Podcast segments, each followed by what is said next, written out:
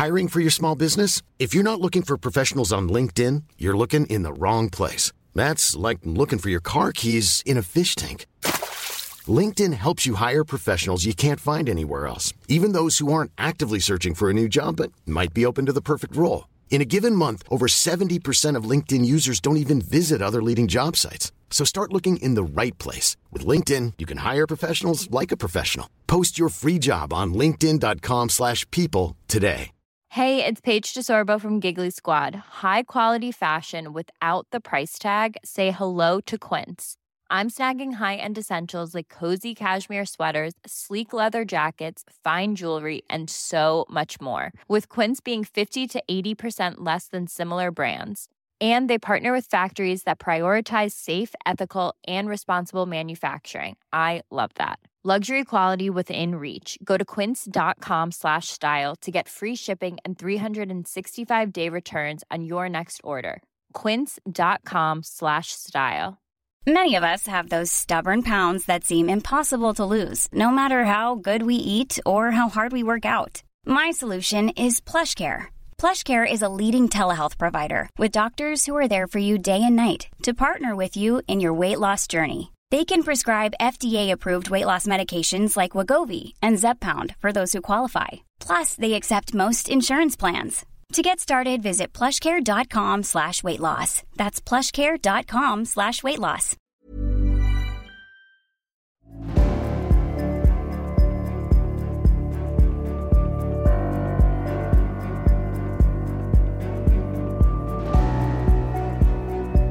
Du lyssnar på podcasten Samtal, en podcast med fokus på fria samtal. Den här podcasten presenteras av tidningen Bulletin. Om du vill få tillgång till samtal sju dagar före alla andra så kan du gå in på www.bulletin.nu och bli prenumerant. Då får du också ta del av hela Bulletins premiumutbud. Kom ihåg att Bulletin också finns som app till både iOS och Android. Länkar hittar du i beskrivningen till det här avsnittet eller på min hemsida www.samtal.ax. Jag släpper nya samtal alla onsdagar året runt och jag tar tacksamt emot tips ifall det finns någon du vill höra i podden. Idén bakom podden är att fokusera på fria samtal.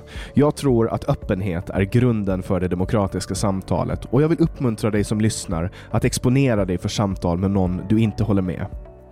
Jag heter Jannik Svensson och du lyssnar på podcasten Samtal. Hanif Azizi är polis, författare och poddare. Han är aktuell med sin bok Förortssnuten och podden Sista måltiden. Välkommen hit Hanif Azizi. Tack så mycket. Jag höll på att rycka i dig eh, jättemycket i och med att du släppte din bok. Och initiellt sa du ja, men sen blev det så många intervjuer så att du höll på att gå in i väggen. Ja, alltså det jag tror, jag höll på nästan i en månads tid och förutom polisjobbet så jobbar jag ju också heltid med att lansera boken så att det vart ju, det vart ju bara för mycket. Så Mm. jag sa ja, men det fanns inte en lucka eller tid för oss att ses. Men nu har det ju hänt ganska mycket sedan dess så vi har ju ganska mycket att catcha upp. Och jag tänker att eh, jag gillar ju att göra release-grejer med folk, alltså när de är som mest aktuella. Eh, men då får ju alla i princip samma material. Mm, exakt. Så nu har vi lite annat. Nu har ju du varit... jag tänker på det roligaste som har hänt, förutom hela Paolo Roberto-grejen. Mm. Eh, så var ju att Aftonbladet la ut en bild där alla huvuden var ditt.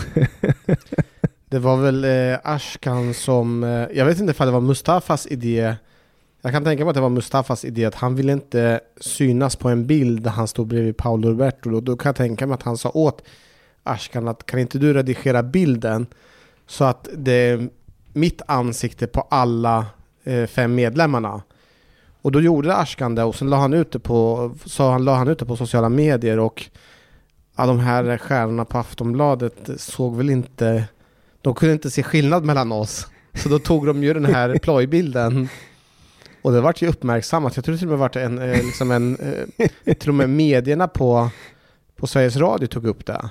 Och gjorde det som en grej. Ja, det var väldigt genant. Alltså det, är, det är så roligt därför att eh, grejen med din podd Sista måltiden, eller er podd, det är ju att ni alla är invandrare. Ja, exakt. Och, och, och där, var, ju- där låg ju skämtet i att eh, de såg inte att det Nej, var skillnad på nej. er. De såg inte att det var ett Nej. huvud på alla kroppar. Liksom. Och, och dessförinnan var ju den här Paolo Roberto-skandalen, eh, vilket gjorde också att jag fick ju klä skott för vad Chang, till exempel när han skrattade. Och det var också samma sak där, att de kunde inte liksom... Det, var, svårt för folk att kunna differentiera mellan olika röster. Och det är flera som har sagt det än idag, i och med att vi, vi har det här formatet där vi aldrig presenterar oss själva, utan vi bara pratar. Mm. Så är det lätt att blanda ihop oss, att ah, man får väl liksom... Men det är också en sån här, det, det är också en grej som är ganska med den här cancel-kulturen, det är att, att ingen av er uh, har någonting att förlora förutom du. Exakt. Därför att du jobbar, du jobbar inom offentlig sektor, du jobbar som polis. Ja. Och uh, ni sitter med uh, Paolo Roberto som man inte får prata med längre för att han har fått en bot för att han har köpt sex. och, och då försöker liksom det här vänsteretablissemanget liksom pinpointa ut den enda som, de, som, som inte får vara i den situationen är du. Eh, och så, så hör de Jean Frick skratta åt någonting och så säger de att det är du. Ja, alltså det, det jag tror att det finns, det, det kokar ju inombords när han, eh, Paolo Roberto, får höras och synas. Och man försöker ta, ta i vilken halmstrå som helst. Och det finns ju, alltså Chang är ju som en eh, gås, alltså allting rinner ju av och eh, Omar Makram, han är ju redan cancellad, han har redan blivit av med sitt jobb och Pan Mustafa Panshiri kör ju eget och Ashkan är ju sedan långt tillbaka arbetslös, så att han får ju aldrig några jobb ändå. Så det, det, jag är den enda som de kunde gett sig på. Ja. Eh, och jäklar vad de eh, gick till angrepp alltså. De hörde av sig till din chef på polisen? Ja, de hörde av sig. Jag tror de gick in på min hemsida och såg vilka som jag hade jobbat för, så de hörde av sig till alla mina tidigare arbetsgivare. Jag fick samtal från scouterna Sverige om att jag var tvungen att ta bort dem som referens. Enskilda individer som har eh, hyllat mina föreläsningar var, mejlade mig och sa att de vill gärna att jag skulle ta bort dem från referenslistan. Jag har sedan flera år tillbaka haft ett samarbete med Svenska FN-förbundet där jag reser och föreläser om framförallt om extremism i skolorna och då fick jag också ett samtal från dem där de avslutade vårt samarbete med typ motiveringar att vi inte hade riktigt samma värderingar. Och det förstår inte riktigt jag, för jag menar på att jag står ju för de fri och rättigheterna som vi har och så, men ah, de vill inte associeras med våran podd och så vidare. Och, och problemet var att du satt i samma rum som Paolo Roberto? Ja, eh, och om jag, för det första så skulle inte jag suttit där och om jag skulle ha suttit där så skulle jag bara tror jag att en del hade velat att jag skulle gå till angrepp mot honom och förkasta honom, förkasta allt vad han står för och så vidare. För att om någon har gjort någonting fel enligt deras spelregler, då måste man prata om det hela tiden ja. med den personen om man ja. spelar in det. Annars tar man inte avstånd från dem och då är man ond. Men jag tänkte från första början att om jag går in i den här studion och bara deklarerar mina egna åsikter, mina tankar kring just sexköp, då kommer jag köpa mig fri jag kommer köpa mig fri, och då, för jag har ju redovisat vad jag tycker och tänker. Mm. Men eh, det räckte ju inte. Det räckte att man, man fultolkar, man klipper en, en scen eller en, en, liksom en, en annan del och tillskriver att det är jag som har ja, varit med där. Så att, ja, men det där var, en, det var väldigt tråkigt. Jag tror det har drabbat det har nog slå, jag tror det, det drabbade mig som hårdast. Mm. Och hur kändes det för dig alltså, när du var i det här drevet? Uh, det kändes som att jag höll på att kvävas och drunkna för att jag blev ju angripen från alla håll. Jag kommer ihåg att jag kommer till jobbet och på jobbet så är det mina närmsta kollegor var ju väldigt upprörda på mig. Uh, och det var nog bland det jobbigaste. När det var uh, kollegor som till viss del var sjukskrivna hörde av sig och bara undrade vad fan jag håller på att syssla med. Min, mina föräldrar hörde av sig och undrade vad som har hänt. Mina bästa vänner hörde av sig och undrar vad är det som händer? Och jag tror att under den veckan var jag Alltså jag tror nog att jag uppfattade mig att det var liksom Jag var samtalsämnet bland poliser i hela landet. För det var ju liksom rubriker överallt. Och då eh. hade, då hade du ganska nyligen släppt din bok också. Exakt. Så då hade du liksom på två olika fronter, egentligen på ganska mycket en natt blivit kändis. Ja, alltså jag, jag blev ju under en månads tid så var ju jag nästan i varenda tv-soffa och hade exponerats jättemycket och blivit hyllad för att dagen efter eh, motta massor med crack, emo eh, crack emojis och folk hatade mig och folk förstod inte hur jag kunde ens jobba. Så det, det blev väldigt snabba svängningar. Det var alltså, det var det tog väldigt lång tid för mig att komma över det och jag valde att inte prata så mycket om det. Jag valde att inte skriva så mycket om det utan jag valde att skriva bara en, en dementi kring mina egna tankar men sen så fick jag, försökte jag lägga locket på men det har tagit lång tid att komma över det. Ja, så för när drevet har, har börjat rulla, då spelar ju inte fakta någon roll längre. Nej. För då är det så jävla kul för de som är inne i drevet. Exakt, och då gäller det bara för dem att försöka fälla någon och jag tror det var väl det man försökte göra. Man försökte fälla mig och det var väl kollegor på jobbet som drev det här väldigt hårt så jag blev ju anmäld av, eh, jag blev ju anmäld till interna utredningarna angående mitt agerande. Det var min gruppchef som anmälde mig. Eh, det var också försök till att försöka få mig att bli omplacerad. Jag skulle inte jobba som områdespolis utan jag skulle vara, ha inre tjänst för att jag kunde vara liksom till en um, förtroende, alltså det skulle skada förtroendet. Men uh, så jag, jag skämdes väldigt mycket och uh, det tog lång tid för mig att komma över det. Men sen så börjar det hända någonting märker jag när jag är ute på stan.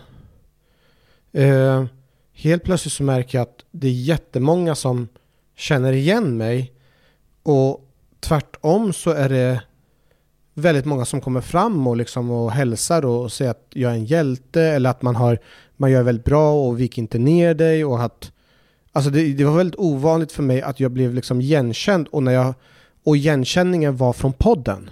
Mm. Det var jättekonstigt. Jag har ju ändå varit i media rätt så mycket men det var, det var så konstigt att bli igenkänd och bli på ett positivt sätt. Mm. Och det, det, fick mig att förstå att vi måste, vi måste bara acceptera att det är liksom en del personer, de som är högljuddast, de som hörs mest, eh, det är inte alltid de representerar inte majoriteten, utan de är en minoritet. Och den stora majoriteten är oftast tysta. Ehm, så många, uppenbarligen så var det många som inte brydde sig om det eller tyckte inte att det var så pass allvarligt. En aspekt också tror jag att folks minne är väldigt kort. Folk glömmer varför de har varit arga. Exakt. Och jag har ju också varit utsatt för drev och, och, jag känner igen det du säger när du säger att det känns som att man kvävs. Ja. Uh, att man håller på att drunknar. Och, och det här adrenalinpåslaget också, hur det blir kallt i kroppen och speciellt Speciellt uh, benen och låren. Jag brukar få när jag får den här adrenalinkicken, liksom, mm. att det går ner i benen. Um, men sen glömmer folk det. Efter typ 30 dagar så glömmer folk om, bort det, men de vet vem man är. Men ja, inte varför. Och, och, när man ställer frågan så här, varför var du arg? Det är svårt för dem att förklara. Alltså jag tror att det är lätt hänt att man går in i en kollektiv känsla. Man kan känna en känsla utifrån vad andra känner och så, så agerar man på det och sen så släpper man det. Um, men det är obehagligt. Jag tror det är en mänsklig funktion att man inte vill bli utelämnad och jag känner mig utelämnad där. Och att bli utelämnad på jobbet eh, som polis, det var det vidrigaste känslan. Jag kommer ihåg på jobbet så var, det, så var man radioaktiv. När man kom in i, ett, i en lokal eller man gick i korridoren så, så märkte man att det blev en konstig känsla. Men samtidigt så visste de ju vem det var. Kan, tror du att det kan finnas en, en aspekt i att folk är svartsjuka? Det tror jag att det finns också för att eh, det var ju kombination med att jag hade syns väldigt mycket och om man syns väldigt mycket så kan det ju vara att en del är avundsjuka på att man har syns. Jag menar, du får ju skriva autografer på jobbet. Det är sant och jag blir på, alltså folk uppmärksammar en hela tiden så att jag tror definitivt och framförallt när man är, ett tag så fick jag ju också representera hela våran jag fick ju representera Järvapolisen och jag kan tänka mig att det sticker i ögonen på många att vem fan är jag som ska representera alla poliser i vårt område och så att man, man fick väl tillfälle här att liksom eh, dra ner den. Och jag tror väl det är ett väldigt vanligt fenomen att om det går bra, för bra, så måste man liksom dra ner den personen. Vi kan inte bara ha en som det går bra för. Mm. Så ja. Alltså jag kommer ihåg det här drevet. Jag fattar när, när ni ska ha med Paolo Roberto så fattar jag att det här kommer, det här kommer att bli en shitstorm liksom. Och jag lyssnade på, jag satt i bilen när jag lyssnade på det. Och jag, jag kände på mig liksom att är det någon de kommer att attackera så är det Hanif. För att det, det, ingen annan har någonting att förlora. Och det var, det var liksom um, det som i, jag tänkte på det när jag lyssnade på det. Ni satt väl, var det över två timmar? Ja, två och en halv timme. Ja, två och en halv timme. Och jag tänkte så här, shit, det har gått två och en halv timme och de har ingenting de kan attackera dem för. Nej. Tänkte jag. Men sen hittar de ju ett skratt. Men alltså under de två och en halv timme, jag kan garantera att om jag skulle ha varit med mina karaktärsdrag i dina skor och din position så skulle jag ha sagt någonting riktigt Mm. klandervärt. Eh, men, men alltså, du skötte det ändå exemplariskt så att de måste hitta på någonting att bli arga Ja. på. Det ska tilläggas att när vi publicerade, det var ju en överenskommelse för det var inte bara vi som intervjuade Paolo Roberto utan det var ju också Navid Modiri, Hur kan vi? Och vi bestämde oss att vi skulle publicera det här samtidigt. Så när vi publicerade det här samtidigt då blev det ju något fel i systemet från Acast eller någonting. Så våran eh, Paolo Roberto avsnitt vart ju fördröjt flera timmar. Eh, Medan Navid Modiris avsnitt kom ju ut. Och han blev ju så jävla attackerad. Det var ju så många som gick angrepp av honom. Medan, och, och det vart ju rubriker med en gång i tidningen och allting. Och jag kommer ihåg den första tiden så här att Men vad fan, vi har gjort likadant. Varför uppmärksammas inte våran podd? Och så, så kommer jag ihåg att det var en måndag. Jag var på stadsdelen och vi skulle ha en presentation i brottsförebyggande arbete. Och det hela började med att det var en tjej, jag kommer inte ihåg hon heter Gabriella eller någonting, hade skrivit en tweet. Eh, någonting i stil med Föreställ er att, att du är polis och sen så sitter du och sen så har du en sexdömd person i eran studio och sen så sitter ni och skrattar åt en eh, våldtäktsoffer eller någonting. Och den här tweeten hade eh, de tagit och lagt in under kontot eh, vad fan heter det här kontot på Instagram som är stort? Det, Eh, Dyngbaggegalan. ja, Dyngbagge, just det. Då hade han tagit den här tweeten och lagt in den på Dyngbaggegalans eh, konto med en halv miljon följare.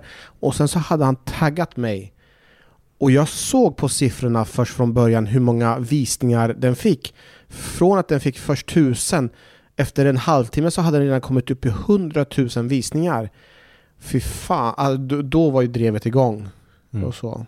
Nej, det var en hemsk period. Jag, jag vill nästan lägga det, lägga det bakom mig, men eh, ja, det var tufft.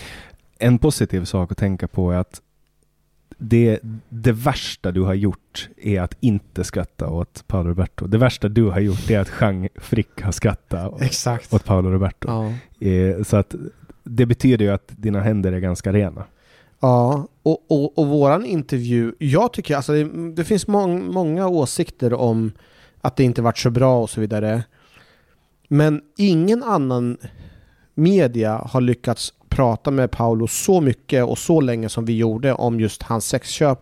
Och jag tyckte mot slutet av den här inspelningen så fick vi ändå en klar bild av Paolo Roberto och hans åsikter om just sexköp. Och det hela resulterar ju i att hans eh, före detta flickvän bestämde ju sig för att eh, säga upp kontakten med honom. För Var det dess- efter er intervju alltså? Ja, för dess, dessförinnan så hade de ju fortfarande kontakt och sågs regelbundet. Och det tycker jag ändå någonstans är sjukt att Alltså jag ska inte sitta och podda med honom i en studio men hon som har varit hans eh, flickvän kan fortsätta att träffa honom med tanke på allt han har gjort. Jag tycker det är så jäkla sjukt, det är så här dubbla måttstockar. Mm. Anyway, men jag, jag fattar samtidigt också att eh, jag representerar polisen och jag måste ha, alltså man måste ha förtroende för mig som polis.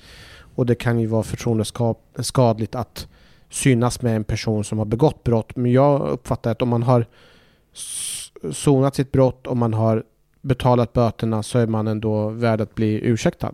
Mm. Jag hamnade i ett, i ett drev ganska nyligen också. Just det. Och det var för att jag hade med mig en person som är dömd för mord eh, in i ett rum på en bolagsstämma. Trippelmördare till och med va? Ja, han, eh, han är dömd för att ha mördat tre personer i Okej. slutet på 90-talet. Ja. Eh, och det drevet var ju alltså typ nu kan jag tänka på det lite mera klart. Men alltså jag är ju en samtalsaktivist. Du vet, jag, min, min förebild är Navid Modiri ja, och han har ju varit med om liknande. just det. Jag, det var bara på det var bara på tiden liksom att jag ska hamna ut för något sånt. Men jag har spelat in över 130 samtal. Jag har träffat massa olika människor. Eh, och till sist så kommer man till en nivå där människor och vad de har gjort liksom bleknar bort. Det slutar vara um, det, det, slutar vara uh, vad ska man säga, man, man vänjer sig. Det var som i din bok så skriver du om uh, när, när, att se döda människor och hur i början hur det påverkar dig och nu kan du befinna dig i ett rum med döda människor utan att det påverkar dig. Just det. Och, och då kan man bara tänka sig hur det skulle vara om jag skulle komma. Du befinner dig i ett rum och det är en död människa som kanske har varit där i flera dygn och den ser konstig ut och det luktar konstigt och allting är obehagligt. Och, och så kommer jag in. Då kommer min upplevelse av att komma in i det rummet och vara chockartat. Och, och samma är det för mig när jag sitter med en dömd trippelmördare. Mm.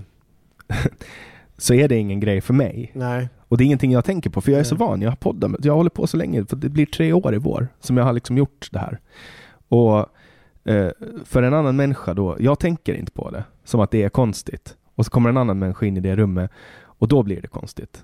Men var det inte, eh, eh, alltså jag tänker att du poddar med en person som har mördat och så. Det kan man väl på något sätt förstå, men var det inte den här vinklingen som jag tyckte var väldigt eh, finurligt ändå? Att det var att du tar med en trippelmördare vid någon styrelsemöte och att de lyckades vinkla det att det finns en form av förtäckt hot. Mm. Att den här personen som varit mördare eh, eventuellt att du har tagit med den för att hota personalen. Alltså mm. det var ju verkligen fan, eh, väldigt fantasifull eh, vinkling som har gjort att det blev ännu Ja, värre. och, och där var ju där var det ju också den här journalistiken som, som de använde och, och sättet de, de vinklade på var att jag förklarar ju vad som hände. Det spelar ingen roll. Det spelar ingen roll. Nej. De tog inte mina citat. Nej. Och de valde de citaten som, som gick, följde överens. Mm. Alltså för att om de skulle ha, ha tagit det jag sa och liksom tänkt efter. Du vet, Aftonbladet gjorde ingenting av det här. Nej. De skrev ingenting om det här. Um, de flesta medier, det var bara Expressen som körde på. Och det hade ju att göra med att de fick ju, alltså som löpsedeln lydde, Bulletins VD tar in trippelmördare. Och det var ju för att alltså, de ville ju få det som att jag har anlitat en trippelmördare. Ja, och det var väldigt många människor som trodde att jag har anlitat en trippelmördare för att utföra mord. Uh-huh. Att det här var ju en supersmaskig rubrik för dem. Uh, men men uh, det blev så väldigt missvisande och allting. Och nu kom det ju aldrig till en punkt att, att uh, jag spelade in någonting med honom. Det blev liksom för mycket. hela, hela den grejen. Men jag vet precis hur det känns, det du beskriver. Eh, för att eh, folk bryr sig inte om vad som hände. Och också det här med att människor, du vet, när jag rörde mig i samma kretsar som jag har rört mig innan och människor inte vill prata med mig, eller människor inte vill titta på mig. Eller människor liksom ändrar sitt sätt att bete sig, tar bort mig från Facebook eller tar avstånd. Fan vad obehagligt det är. Mm.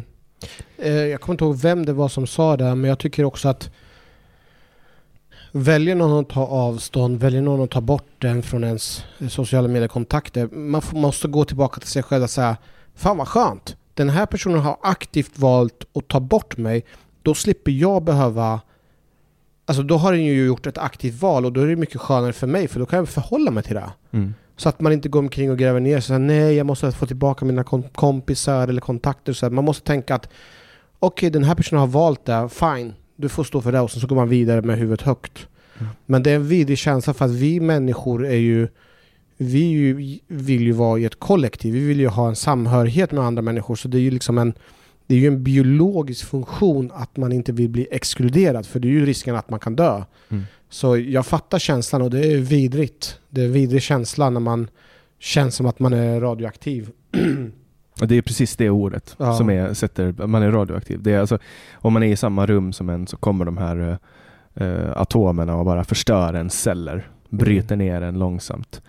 Jag hade fått ett samtal från, uh, jag har haft samarbete med Polisförbundet och inför varje år så ger man ut en bok till uh, eh, partiledarna. Och just den här dagen när eh, drevet gick igång så fick jag samtal från eh, kommunikationschefen från eh, Polisförbundet som ville berätta en fantastisk nyhet för mig. Hon sa att i år har de bestämt sig att de ska ge bort min bok, Förortssnuten, till alla partiledare. Ehm, och jag vart ju skitglad för det. Men jag kommer ihåg också att jag sa att du, bara så ni vet så är det pågår ett drev mot mig så att ni får fundera ut en gång eller två gånger innan ni vill associeras med mig. Och sen några eh, veckor senare så såg jag att de hade bytt ut min bok mot boken Tills alla dör med Diamant Salio. Mm. Och det kändes också som att det var en punch in the face men ja. Ja, ja, man ska inte sitta här och gråta ut för allt det gamla som har hänt. Nej, men det där är, alltså så här, vi, vi lever i en tid av, um, alltså av cancel culture och drev. Och uh, nu, en, tid så kändes det som att det var eh, unikt för vänstern att driva det här, men nu såg vi ju nyligen med Ida Karkainen. Just det. Karkiainen. Kar skitsamma, du vet vem jag menar. Ja, jag tror det är Karkainen. Eh, hur hon då, när hon var 16 år, har fångats på en bild där hon gör en Sieg Heil-gest. Eh, men man vet inte riktigt om det är en Sieg Heil-gest, utan eh, rubriken är spekulativ, hon förnekar det, men om det är sant så är det för bra för att inte köras. Liksom. Ja. Och då bara trashar man sönder henne, manglar henne i små bitar. Eh, och och det är så här, jag känner ändå en viss sympati för henne. För, ja, det är klart. För, för jag menar, skulle, skulle det vara så att det bara var Jean Frick och Nyheter Idag som skickade ut den här, då skulle ju ingen ha tagit det på allvar. Nej. Eh, För att folk, folk säger ju att eh, är nazist och Nyheter Idag är en eh, skittidning och de är inte på riktigt och så vidare. Men nu var det ju Expressen som körde ut det här. De körde ut det om mig också. Eh, och, Det var ju samma eh, reporter va? ja, Anna, Anna Gullberg. Anna Gullberg.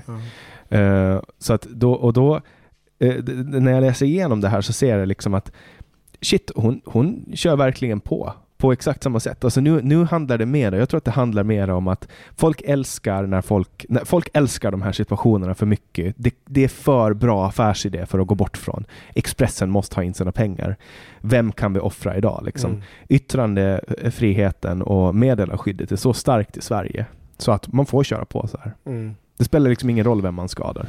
Samtidigt kan jag tycka att det, ibland går det för långt när man kan, kanske inte just kopplat till media, men jag tycker så här att det börjar spåra totalt när man börjar referera till människor som nazister och så. Nazistmedia. Jag såg att riksdagsledamoten för Vänsterpartiet Ali Esbati refererar till Nyheter Idag och Chang Fricks tidning som nazistmedia. Och jag bara tänker så här, shit vad sjukt. Alltså vi lever ändå i 2021. Hur fasen kan man... Hur kan det vara ens lagligt att kunna titulera tidningar och personer med sådana falska grejer? Det är så konstigt. Fan, jag, jag tycker det är märkligt. Ja, det är jättekonstigt. Det är samma sak. Folk säger ju att, att vi är nazister på Bulletin som har eh, alltså, jag tror att vi är kanske den mest ljudetätaste Ja. tidningen som finns i Sverige. Eh, och, och, och då är vi nazister också. Ja. Men, men det där är någonting som på 90-talet så fanns ju den här satanistbubblan i USA. Då sa man att alla var eh, satanister. Och i Sverige så är det rasist eller nazist. Mm, mm. Men nu har det också blivit att man kan kopplas via kontakter till den vitmaktsmiljön. Just det. Det räknas ju också i Sverige som en anledning för att Just få det. cancellera någon.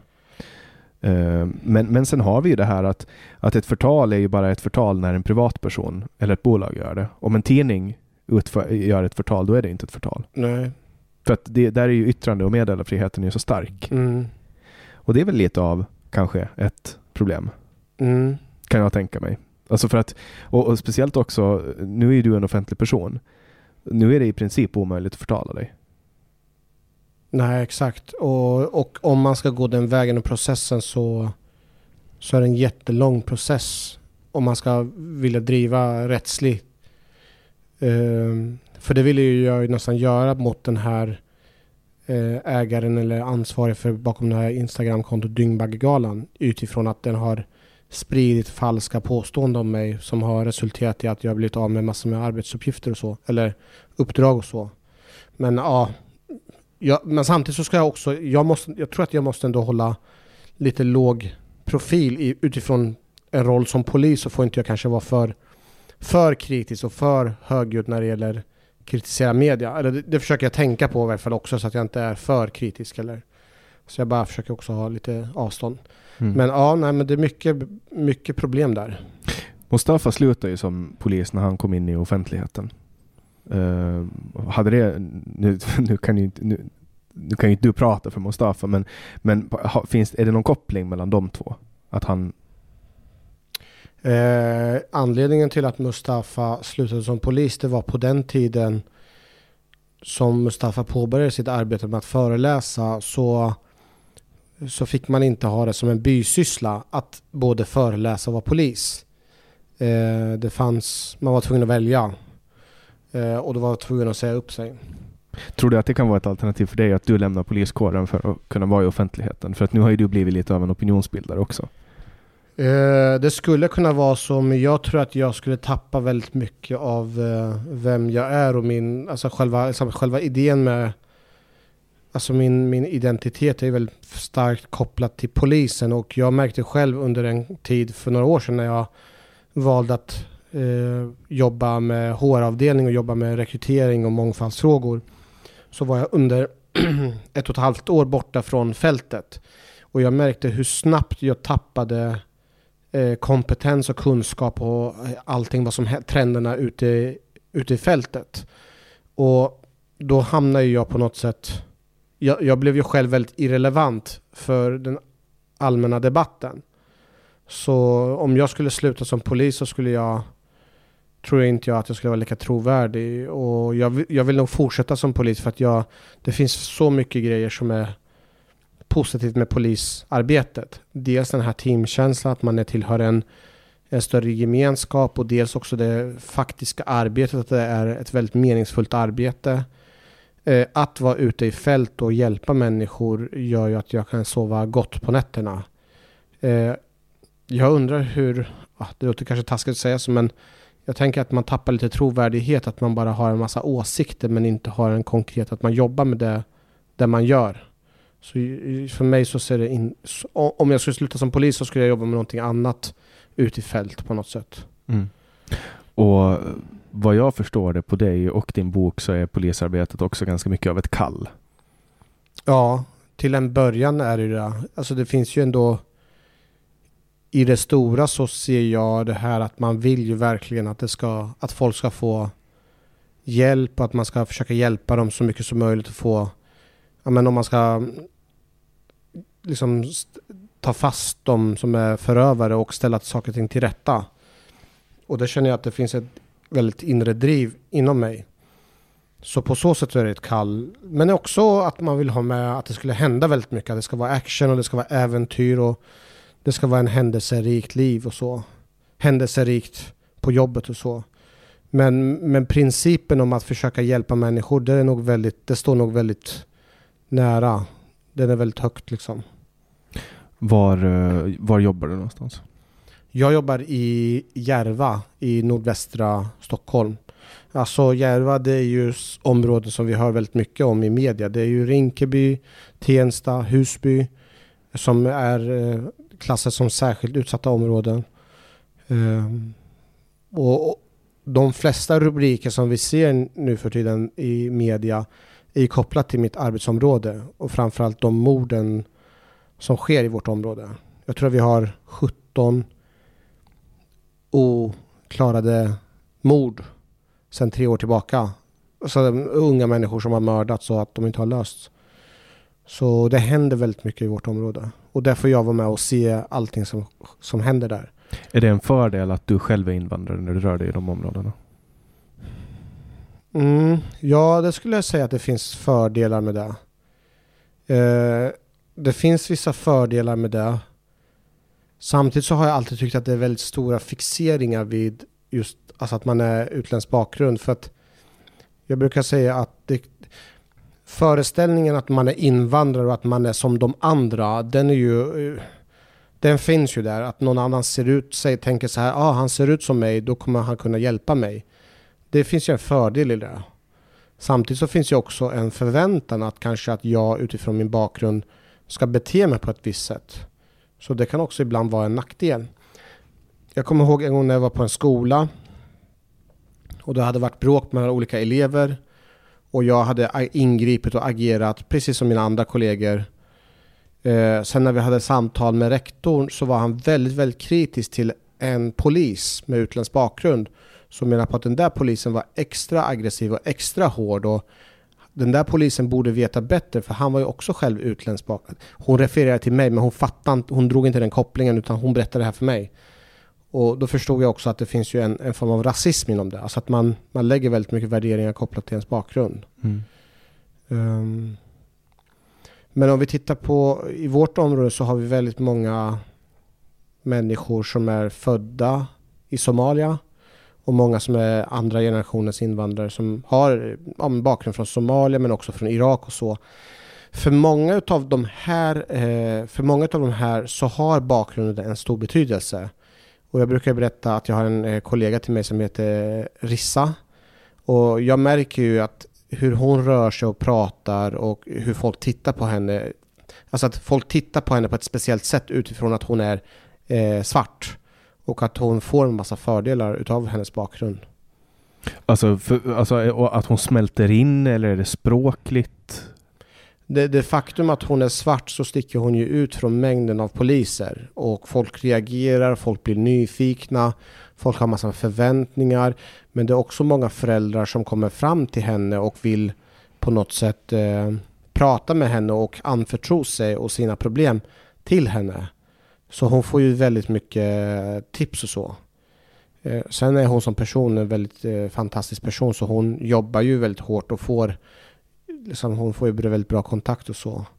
Men där har ju hennes eh, identitet och hennes hudfärg en viss relevans. Ehm, en stor del av arbetet i vårt område är ju så här att om du är helvit svensk och rör dig i vårt område och du skulle jobba civilt som polis så kommer folk märka att du är civilpolis. Och då kommer inte du kunna fungera. Du kommer inte kunna jobba med att spana utifrån din bakgrund. Så där spelar det också roll om man har en utländsk bakgrund. Man smälter ju in på ett helt annat sätt. Eh, men efter ett tag så, så, så blir man ju känd i sitt eget område och nu kan inte jag gå någonstans i, i mitt område utan att jag blir igenkänd av människor på gott och ont. Och om man läser tidningarna och om man lyssnar på vad folk säger, då får man ju känslan av att Rinkeby, Tensta, Husby, det är livsfarliga områden att röra sig i. Är det det? Nej, det skulle jag inte säga. För några år sedan så hade vi stora problem med ordningsstörning. Det vill säga att det var öppen drogförsäljning, öppen, folk kunde röka hash och marijuana helt öppet och det var lätt hänt om man vistas i området att man kunde bli utsatt för misshandel eller rån. Det skulle jag säga att det var för några år sedan men idag så är det väldigt annorlunda. Eh, det är mycket tryggare. Man kan röra sig utan större problem skulle jag säga. Eh, generella ordningshållningar har blivit mycket, mycket bättre. Så som en enskild person eh, att röra sig i vårt område så skulle jag säga att det inte alls är kopplat till någon större fara. Men med det sagt så finns det ju så att om du ingår i olika typer av gäng eller nätverk så kan det vara, eh, så finns ju hotbild mot varandra utifrån att man tillhör de här nätverken. Och eh, där det är många som ja, de mördar varandra helt enkelt. Och då, då, det är klart att för de personerna är det mycket mer riskfyllt. Men för en enskild person skulle jag inte säga att det är så pass riskfyllt. För jag har ju aldrig, jag har aldrig känt mig osäker i Stockholm.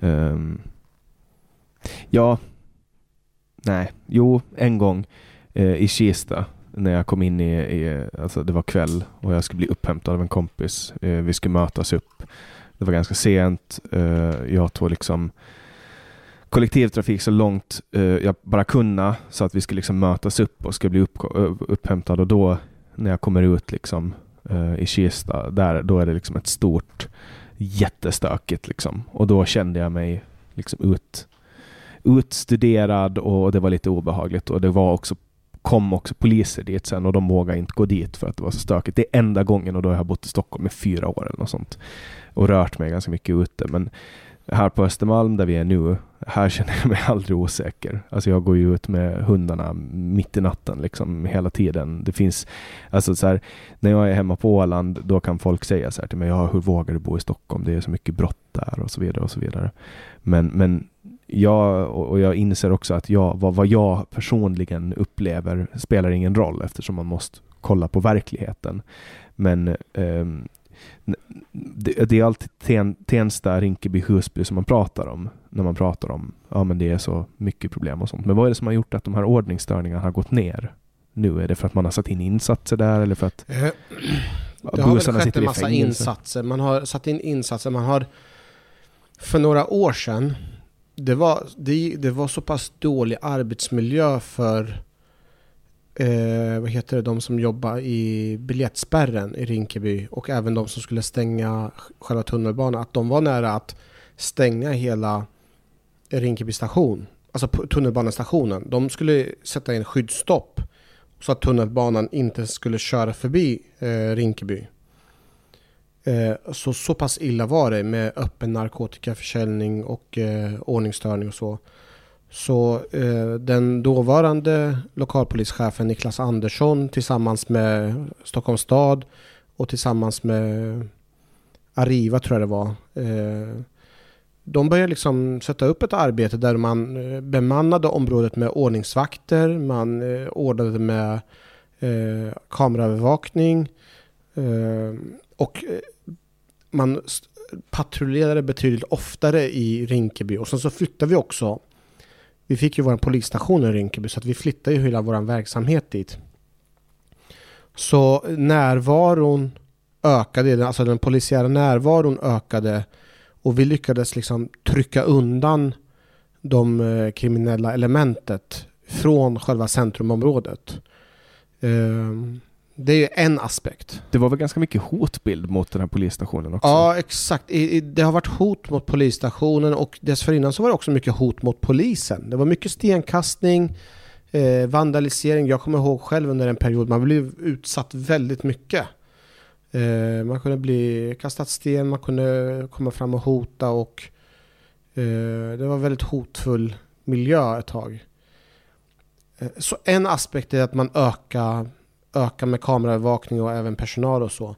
Men en aspekt som jag tror oftast inte vi pratar så mycket om det, eller polisen pratar inte så mycket om det, men det är en del av sanningen också, är att eh, eh, två aspekter till. Men en, en, aspekt är att när de här konflikterna mellan de olika gängen eskalerade, där de börjar skjuta varandra och mörda varandra, och att det liksom spårade totalt, det spårade ur, då gjorde det också så att de här kriminella elementen, de var tvungna att lämna området. De, de kunde inte vara kvar i centrumområdet. Så helt plötsligt så var det ju ett vakuum och där inte de kriminella elementen var närvarande i centrumområdet. Så, så det är en aspekt till. Alltså att hotet mot de här eh, gängkriminella var så pass stora så att de var tvungna att lämna. Eh, en tredje aspekt som inte heller är riktigt så korrekt att prata om men som jag tror definitivt att det har spelat någon roll det var att eh, mina kollegor, inklusive jag, alltså vi var väldigt tuffa ett tag mot de eh, kriminella elementet där. Alltså vi, vi körde väldigt hårt mot hårt. Att man, man, det var en nolltolerans kring hur man ska kunna hantera buset och man liksom verkligen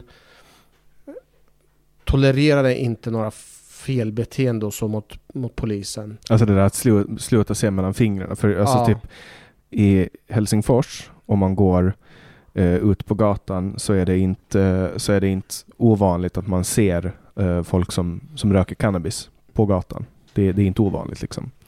Eh, och jag vet inte hur det är nu, jag baserar det här på typ 5-6 år sedan. Och där, är, där kan polisen se mellan fingrarna. För att det är så här, de, de går förbi, det kanske är ett gäng, de ser att det här är vuxna människor. Uh, de är lugna, de stör inte, de står och, och röker cannabis. Och det är så här, ja ah, okej, okay, fine. Alltså jag har själv varit med om det. Jag har stått med ett gäng personer som står och röker och så kom Du var det. med och rökte också?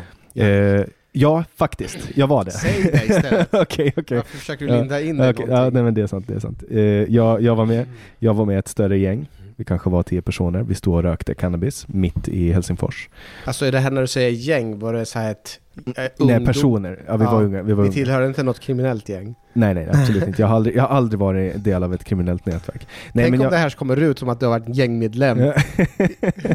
löpsedlarna på Expressen imorgon. Ja, ja, nej, men jag, jag har ju, bara för att säga det också till alla som lyssnar, de som lyssnar på den här podden vet att jag är nykter, nykter alkoholist och jag har inte varit eh, drogpåverkad eller alkoholpåverkad på snart fem år. Eh, jag är helt ab abstinent från allting, alltså jag tar ingenting. Eh, och jag har tidigare och också rökt cannabis. Det är liksom inga konstigheter för mig att prata om det. Nej, men i alla fall, jag, så jag säger det rakt ut i alla fall. Du vet, eh, det, ni har en grej här eh, i, från sista måltiden. Första gången jag pratade om att jag använt droger, det var ju med Ashkan Okay. i podden. Så i, jag har inte pratat om det innan. Nej. Men i alla fall. Eh, vi sitter eh, i en park i Helsingfors. Vi röker gräs och då kommer det två stycken ridande poliser. Och då ropar en av eh, personerna i det här gänget att, att kolla, nu, eh, han, han ropar på finska, att kolla nu. Nu helt plötsligt så kommer grisarna ridande på, på hästar. Eh, och, och, och de tittar på oss och så bara ena bara skakar på huvudet och andra bara liksom skratta Mm. och vinka liksom, mot oss. Och den här attityden, eh, jag vet inte riktigt hur, hur det är i Sverige, men, men eh, alltså jag tänker, vad, vad det, det, när du pratar om nolltolerans, är det det du menar? Att ni, ni, ni låter inte ens folk komma förbi med minsta lilla problem? Nej men i, i det här fallet om de, säger, om de kommer att referera till, till en som eh, gris, då blir det en väldigt snabb konfrontation vad du menar med att kallar du min kollega för gris? Och liksom bara konfrontera väldigt snabbt för att. Tasar dem i pannan och bara... In, inte så, men att man kör väldigt hårt, att man inte accepterar den typen av... Eh, eh, accepterar inte en sån här typ av beteende. Eh, så att man körde hårt på det sättet, för dessförinnan så var det... Man kunde be- bete sig lite grann hur som helst. Eh, men, men sånt, att man inte tolererade att det blev eh, att man... Om någon skulle kalla mig för gris och håller på och röker eller så här, då skulle man rapportera den personen men också man skulle eh, avlägsna, omhänderta personen, eh, köra den till eh, närmsta polisstation och lämna där. Strafflobba. Eh, inte straff, I Stockholm så strafflobbar man inte, men man kan ju faktiskt omhänderta personen av andra, man har andra paragrafer. Får, Men på, får, la, på landet så kan man ju köra mycket strafflobbning. Du, får, du, du får nästan besk- beskriva för lyssnare som inte har läst din bok, vad är, vad är en strafflobb? Eh, strafflobb är ju en eh, inofficiell benämning på när polisen väljer att omhänderta en person när de inte har lagstöd för att om personen i frågan inte har varit så pass stökig eller gjort någonting annat fel men den är lite berusad men inte tillräckligt berusad så väljer man att eh, lobba den personen som vi kallar Vi kallar det för lobba. Alltså man omhändertar personen eh, med stöd av eh, lagen om att man får inte vara eh, för berusad. Och den eller? heter lagen om omhändertagande av berusad, ja, LOB. Exakt, LOB i vissa fall eller någonting. Och eh, så i, i praktiken är det så här, när jag jobbar som polis, om jag ser en person är däckad eller den håller på liksom, går ut på vägen eller inte kan ta hand om sig själv eller är väldigt aggressiv och kopplat till att den har druckit väldigt mycket alkohol. Då kan jag omhänderta den personen. Men jag brukar alltid dubbelkolla att kan du ta dig hem, kan du ta taxi hem eller kan du gå för egen maskin? Finns det någon tendens på att en person kan ta hand om sig själv så finns det ingen anledning för polisen att omhänderta den här personen. Eh, men i, i, jag tror att det är på mindre städer så är de eh, väldigt mycket mer ambitiösa med den här lagstiftningen. Att de tar folk för att de har druckit lite, lite grann och är kanske lite eh, stöddiga och sådär. Och eh, uppfattar dem som att de har ett felbeteende. Och jag tror att många gånger så använder polisen det som ett förebyggande syfte för att man vet om att den här personen kommer vara ett problem längre fram under natten.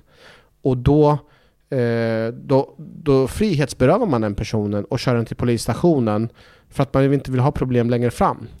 Så, så det benämner man som strafflobb. Men det är ju helt och hållet olagligt. Man får inte göra på det här sättet. Utan man måste ju man måste verkligen vara så pass berusad så man inte kan ta hand om sig själv. Mm. Man kan böja lite på den här paragrafen och, och man, man helt enkelt frihetsberövar någon. Ja, Och du blev strafflobbad en gång. eh, i Norrköping. Och det, här, det som var så roligt att det här var ju under tiden som jag gick på Polishögskolan. Det var faktiskt första terminen. Och jag minns så tydligt när jag eh, började på Polishögskolan så kommer jag ihå- ihåg i, eh, att det var liksom rektorn för första talet som rektorn höll när han skulle presentera sig själv. Han sa så här Eh, ni alla har kommit in, ni har fått ett unikt tillfälle och förtroende att eh, representera polisen. Men eh, jag ska bara ge er några tips. När ni lämnar polisskolans eh, område, eh, liksom eh, lämna era legit- polis, här, polis, eh, vad heter det, skol eh, brickorna, alltså man går på polishögskolan, lämna dem hemma och skulle ni gå ut och festa, tänk inte ens tanken på att eh, utge er för att vara polisstudenter och sådär. Och det första som hade hänt när jag är i Norrköping, min gamla hemstad, det är att jag ser poliser, jag blir skitglad att se dem och då säger jag åt dem Hej! Hej, bara så ni vet, jag är polisstudent, vi ses i framtiden om några år så kommer vi jobba tillsammans. Och jag var skitglad och hade för att träffa polisen där och de tyckte inte att det var särskilt snyggt att en eh, polisstudent som är uppenbart berusad eh, flashar med att den är liksom att snart ska bli polis. Så att, eh, de åkte runt i området och hittade mig och sen så plockade de in mig när jag var på väg hem. Eh, och det är en av anledningarna varför jag inte valde att jobba eh, som polis i Norrköping. De här som, eh, som, som strafflobbar dig, de har antagligen läst din bok nu och vet att de finns med. Har du konfronterat dem i efterhand? De Jag har inte tagit reda på vilka det är. Jag, jag förstod, jag var så pass, jag, jag kommer ihåg också när de valde att omhänderta mig. Jag hade, ju, jag hade läst så pass mycket så jag visste att de gjorde fel, men jag visste också att det är ingen idé för mig att försöka liksom eh, ställa mig på tvären och konfrontera dem och, eller liksom inte vara följsam.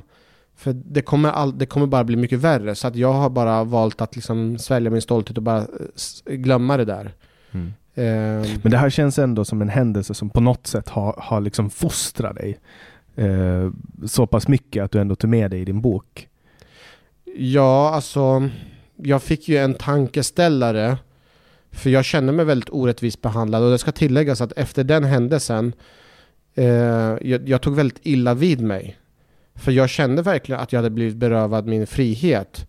Och jag valde att inte dricka alkohol eller vistas utomhus eller liksom vara ute och festa under ett halvår eller ett års tid. Och när jag såg polisbilen så tyckte jag det var väldigt, jag tyckte själv att det var väldigt obehagligt. Jag kände att de hade gett sig på mig och det var orättvist. Så jag hade många tankar i mig själv, liksom att jag funderade nästan på till och med om, jag skulle sluta. För jag tyckte det var så jävla pissigt agerande. Fick du några konsekvenser på polis? Fick de reda på det på skolan? Eh, det som hände var att direkt efter här, att jag Direkt efter att jag hade blivit frisläppt från, eh, från så, arresten så ringde jag direkt till eh, Polishögskolan och till rektor, rektorn där och eh, förklarade situationen så jag fick komma upp med en gång till Polishögskolan och förklara hela situationen. Och eh, i och med att jag var så pass agerad på ett korrekt sätt och var ärlig och öppen med det som hade hänt så, så, vart, så vändes det hela till en fördel för mig. Ja, så du fick ju testa på att sova i arresten. Ja, och jag, jag fick ju, alltså det är ju också en, eh, alltså om man ska vara helt ärlig, det är också en det är faktiskt en väldigt bra grej att ha erfarenhet från så att man vet hur det känns. Nu var jag så här, jag var så jävla full så jag kommer inte ens ihåg så mycket men Mm. eh, jag tycker ändå att det är relevant att få veta om när det känns orättvist. Eller hur? Det är därför alla poliser åtminstone borde sitta i samma rum som folk som använder droger. För att kunna lära sig hur de ser ut. Ja, ja, ja. Alltså, eller testa det själva Ja, exakt. Under kontrollerade former. Ja. För att då, då kan man ju mycket lättare agera i en situation. Eh, Definitivt, för jag vet, du vet många poliser har inte koll på vissa droger. Jag skrev i boken också en annan gång där vi var under aspiranten när vi kom in i en lägenhet och jag, i och med att jag själv, jag har ju rökt cannabis och jag har ju umgåtts med personer som har tagit eh, både rökt cannabis och eh, rökt marijuana och så. Så jag har ju väldigt bra koll på all, allting som är kopplat till eh, cannabis. När vi kommer in i det här rummet som aspirant så känner jag instinktivt att det luktar cannabis och jag fattar att den här personen precis rökt på. När jag tittar in, eh, in i vardagsrummet så ser jag att det finns en grinder framme. Alltså en sån här grej som man maler själva budsen med. Och jag ser liksom eh, filter, eh, to, eh, löstobak, jag ser också de här filterpapperna. Verktyg för att Verktyg. förbereda en joint Exakt. Medan mina andra, eh, mina instruktörer gick runt i lägenheten och de fattade ingenting och de såg ingenting. Så när vi lämnade när vi lämnade lägenheten så sa han Fan vad det luktar rökelse i den här lägenheten. och jag skrattade för mig själv och sa Fan ni har aldrig Fattar ni ingenting? Ni är polisen, ni borde kunna det här. Mm. Eh, alltså, de, de rökte, han hade rökt gräs där. Och så, så att, eh, på så sätt är det bra att ha i vart fall mer erfarenhet av droger så att man vet vad, man, eh, vad det är för tecken. Mm. Eh, till exempel om någon är fnittrig eller om någon har fått munchies, så att man har koll på de här olika Ja, grejerna. de, de människorna i allmänhet som är påverkade av, av cannabis utgör ju inte ett hot. För det är ju inte, som, det är inte så som att de blir eh, liksom knivgalna och börjar hugga folk. Alltså, ska jag vara helt ärlig så är det så här att innan jag själv blev polis så hade jag den inställningen också. Eh, I och med att jag hade vistats med personer som hade rökt och eh, jag hade aldrig varit med om någonting som var kopplat till någonting större negativt. Jag hade ingen som helst erfarenhet av någonting som är negativt kopplat till eh, cannabis. Men när jag började jobba som polis då fick jag ju åka på larm efter larm eh, kopplat till händelser där jag, jag kommer ihåg specifikt ihåg en, en gång när jag var hemma hos en, eh, ett, ett yngre par. Alltså de var, liksom, de var kanske 20-25 års, 20, års åldern och de hade precis blivit föräldrar. Eh, men han, den här pappan, han verkar ha väldigt, jag vet inte, han hade väldigt svårt att ta, liksom kontrollera eller han, hade, han kände så mycket press. Så han hade missbruksproblem just kopplat till cannabis och han hade flippat på sin, eh, på sin eh, fru. Eh, och han var ju så här påverkad av cannabis. Nu är det nog kanske så att det, har ju mer med honom att göra, hans psykiska eh, tillställningar och så. Men det är så många gånger som jag har åkt på jobb där det är narkotika var kopplat till att man har varit våldsamt och gjort massor med sjuka grejer. Eh, Men sen vet man ju inte vad som kommer först, om det är våldsamheten och sen alltså att det är våldsamma människor som använder droger. För att det är ungefär som att säga att ehm, alltså, alkohol gör ju att man blir våldsam. Det är en, det är en biverkning Ja. av alkohol. Men sen använder också våldsamma människor, människor som är våldsamma, vill också använda saker för att lugna sig. ja. Och därför vet man inte, alltså, men sen, nu är ju alkohol lite mer tydligt, men alla människor som har missbruksproblem eh, har ju det av en anledning. Det, och det är just det. antingen genetiskt eller så finns det något trauma som Ja. ligger där under. Och då kommer först traumat och de här konstiga beteendena och sen försöker man dämpa dem med droger Mm. eller alkohol. Så att det, det där är lite som, jag, förra, förra veckan i, i den här podden så pratade jag med en, en lärare som heter Lukas Lindahl och han berättade eh, om, om eh, någon, någon bok där det var någon som hade intervjuat traumaläkare, så här traumakirurger som, som opererar eh, så här unga killar som har varit med om motorcykelskador och bilolyckor och sånt. Eh, och, och de ser ju varje dag nästan folk som kommer in med så här skallskador. Och alla sådana läkare som man pratar med vill förbjuda motorcykel. Just det. Att, att, det- att, Okej. för, för att de, de ser ju det värsta. Just just Det är det. samma om man pratar med en socialsekreterare. Eh, I princip alla kvinnliga socialsekreterare är feminister. Ja, Och för att, för att de om vi ser... grovt generaliserar. Ja, men du är mäns våld mot kvinnor Just det, just det. Och, och, och pratar väldigt mycket om det här. Och, och det är samma med eh, poliser. Ni får ju se det värsta av drogerna. Ni får ju aldrig i princip se dem som eh, hanterar droger på ett bra sätt. Som, Nej, vi som, åker ju bara när det, när det har failat, när det har, när det har spårat ur. Mm. Och när man har gjort det så pass många gånger, då börjar, då bygg, börjar jag bygga med en erfarenhetsbank och en form av sanning kopplat just till Mm. cannabis och så. Ja, ett falskt mönster. ja, För att du ser ju 10-15% av Ja. de som inte klarar av att hantera det. och då har jag ändå erf mina erfarenheter innan jag blev polis, men sen så har jag erfarenheter efter också. Så det blir ju efter ett tag, och man blandar gärna ihop nu kan man ju göra en distinktion mellan cannabis, men det är lätt att blanda ihop olika typer av missbruk och klumpa ihop det till bara droger. Och då blir det ju liksom en, en sanning för en att man har en väldigt kritisk inställning till droger generellt sett. Mm.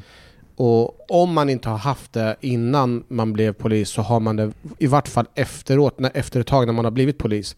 För man är bara färgad av allt misär som vi ser. Mm. Och de värsta drogerna, om man ska vara helt ärlig, de, de, de eh, syntetiseras av läkemedelsbolag och eh, kommer ut i, genom våra svenska apotek. Mm. Alltså amfetamin, morfin, eh, bensodiazepiner och så vidare. Det är ju de tre egentligen som är de värsta. Okej. Alltså, ja, du kan det där bättre än vad jag kan. Alltså amfetamin gör ju folk helt eh, gränslösa och, och omdömeslösa. Benzo tar i princip bort alla känslor. Och, och morfin detsamma. Uh, alltså, ha, möter du en person eh, som har, har tagit jättemycket bensodiazepiner och, och kanske blandar med alkohol och flippar ur, eh, som står med en kniv, alltså det är livsfarligt. Ja. Eh, så att det, Och de, det, det, går inte ens att stoppa det i samma kategori som till exempel cannabis. Nej. För att de har, det är två helt olika substanser, de har två helt olika eh, Alltså att säga att någon är narkotikapåverkad, det är ett sånt stort brett spektrum av eh, saker så att, och, och, uttryck. Så att man vet ju inte, det kan vara en uppåtdrog, det kan vara en nedåtdrog, det kan vara en blandning av massa olika droger. Och därför blir den här debatten när det kommer till droger väldigt fel. Och det, det de gör på när debattprogram och sånt, att de tar ju alltid in folk som har de, de som jobbar med någon så specifik enhet inom polisen som jobbar med narkotika och ungdomar. Och så tar de den personen, stoppar den i något av Belinda Olssons 70 miljarder olika debattprogram och så får den stå och prata om ja. hur, vad de ser liksom. Och då kommer man ju bara att ge en bild av det absolut värsta. Men, men det finns ju, jag, jag vet inte, om, säg nu att det skulle finnas en, en myndighet som, som eh, undersöker uh, funktionella brukare av droger. Eh, eller, eller någon som jobbar med människor som har fått sina liv omvända på grund av de här drogerna. Och då kan det också ha att göra med att folk som kanske har någon smärtproblematik som har fått THC utskrivet eller som kanske har fått någon eh, verkmedicin som innehåller opiater eh, och, och, deras liv fungerar och deras barn och familj och allting är bra. Liksom. Men, men de är ju aldrig i de där debattprogrammen. Nej. Så det är en ganska onyanserad bild. Men, men jag kan tänka mig att det du ser skrämmer upp dig ganska mycket? Alltså jag, nu, nu har ju jag ändå jobbat så pass länge och jag ser ju också, alltså det är en så stor andel av mitt arbete ute på fält som är kopplat till narkotika. Det, det är så stor andel framförallt till unga personer som rekryteras in i olika gäng för att sälja droger. De står utanför skolan och rekryterar unga personer till att till att personer som ja, men, är med i olika konstellationer och är med och eh, ja, men, begår brott kopplat till, eh, till att liksom hålla på och sälja och deala droger och så här. Så att hela liksom vårt arbete är så pass stort för kop eh, eh, nära kopplat till just eh, droger i vårt område så att det blir ju eh, det blir ju på något sätt så tar det över väldigt mycket. Men med det sagt så är det också så att vi i, i, i väldigt stor utsträckning inte väljer att rapportera personer som är eh, påverkade skulle jag säga. Framförallt lite äldre personer. Så att det finns anledning att titta på de här frågorna kring eh, droger och så. Framförallt att den här stora det är så stor efterfrågan på droger. Eh, framförallt cannabis. Och vi är så pass liten enhet som jobbar med det här och det är bara liksom inse att vi är för få. Och fokuserar vi väldigt mycket på droger då, då tappar vi mycket andra grejer som man kunde göra. Hela kåren är väl grovt underfinansierad? Ja. Eh, I, I vart fall om man ska ha en idé om att man ska försöka komma till bukt med allt det här. Ja, så för att matcha de lagarna som, ja. som styr ja. samhället. Jag menar, eh, många argumenterar ju för att man borde avkriminalisera cannabis. Mm. För att polisen ska få eh, dels alltså, ta bort eller till och med legalisera och sälja på systemet. För att då, då kan polisen sluta fokusera på det som i Sverige i, på engelska kallas för petty crimes, alltså småbrott. Ja, just det. Eh, och att man också får in en extra pengar då. Just det för, från försäljning som mm. man kan lägga på att utveckla kåren och så vidare. Och det där är en diskussion som, som varken du eller jag kommer att kunna lösa och som den här podden har, har ganska nyligen ägnat ganska mycket uppmärksamhet.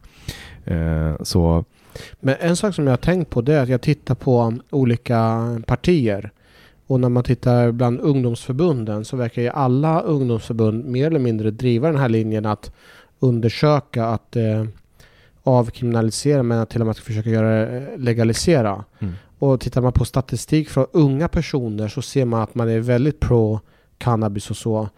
Så det är väl inte någon stor gissning att se att om 5-10 år så kommer vi ha en helt annan synsätt på just mm. cannabis. Jag tror att det kommer att dröja lite längre. Ja. Jag tror att det är om 25-30 år. Tror du? Ja.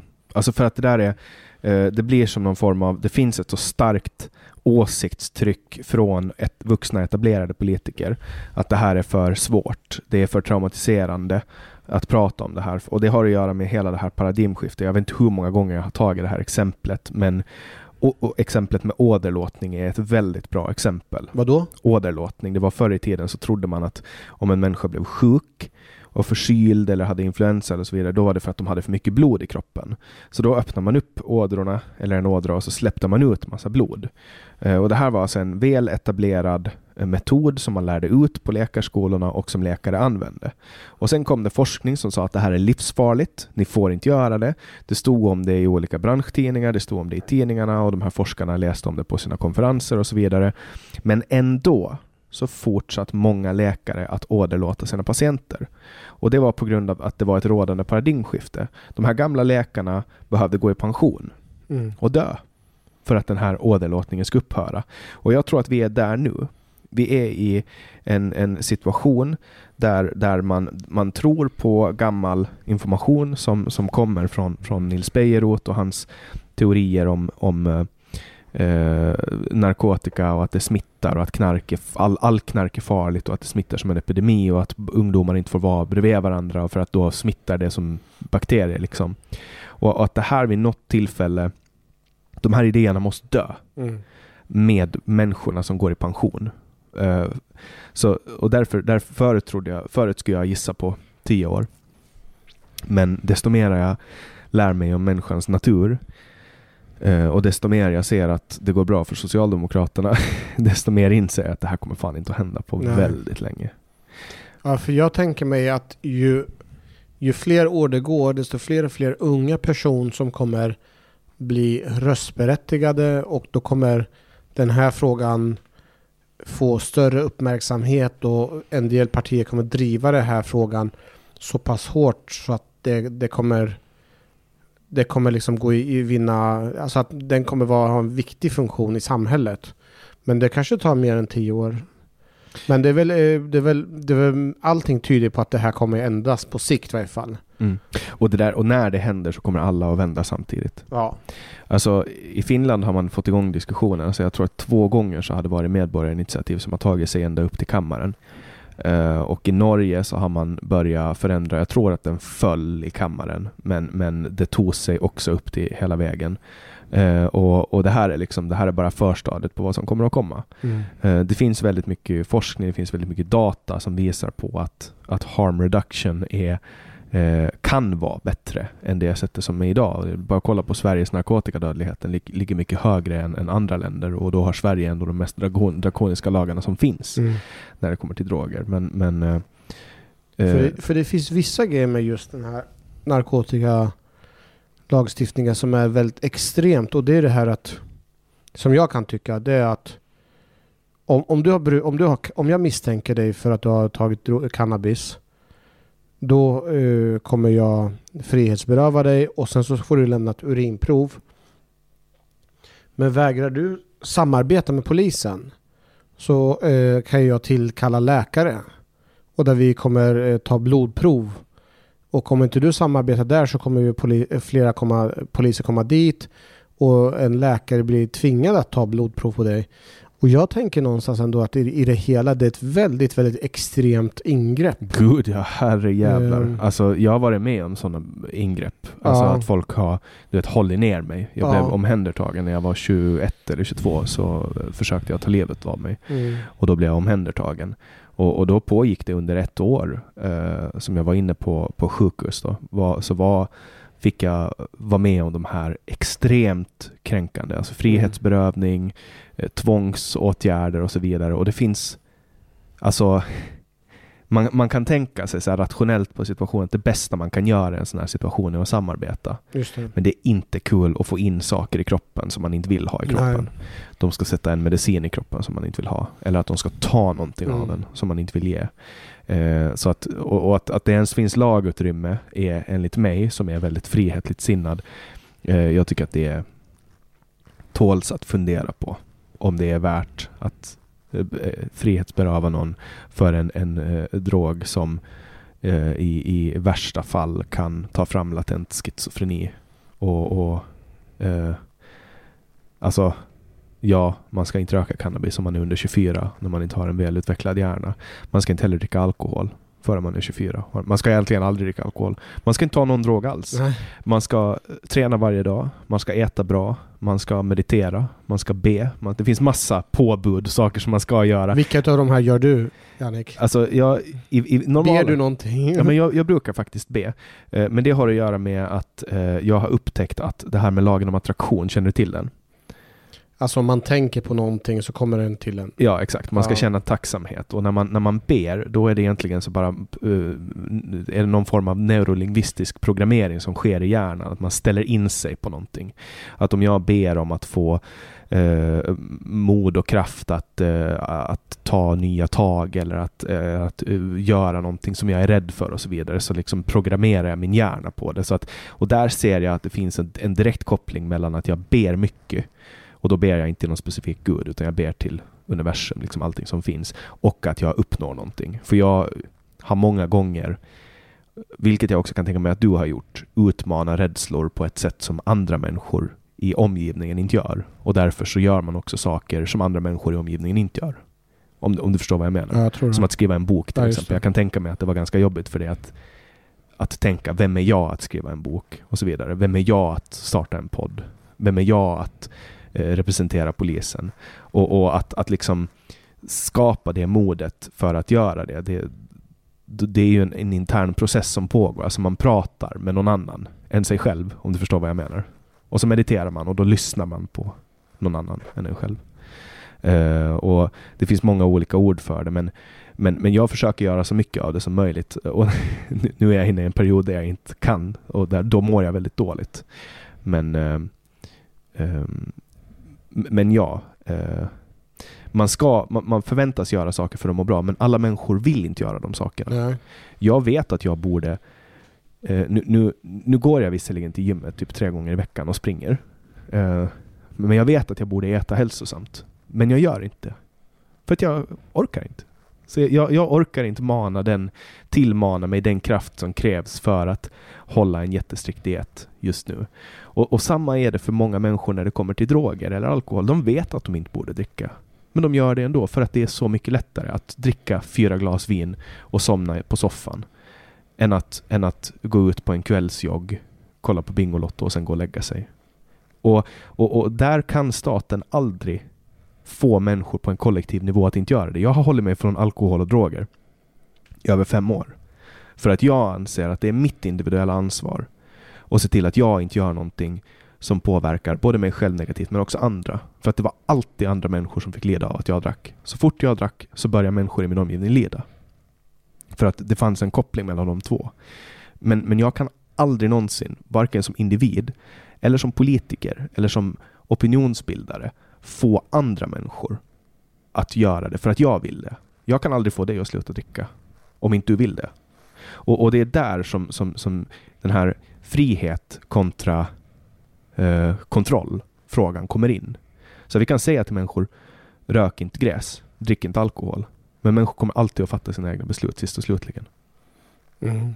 Men kan inte du se att utifrån ett samhällsperspektiv att man ska vara med och minimera eventuella risker eller saker och ting som...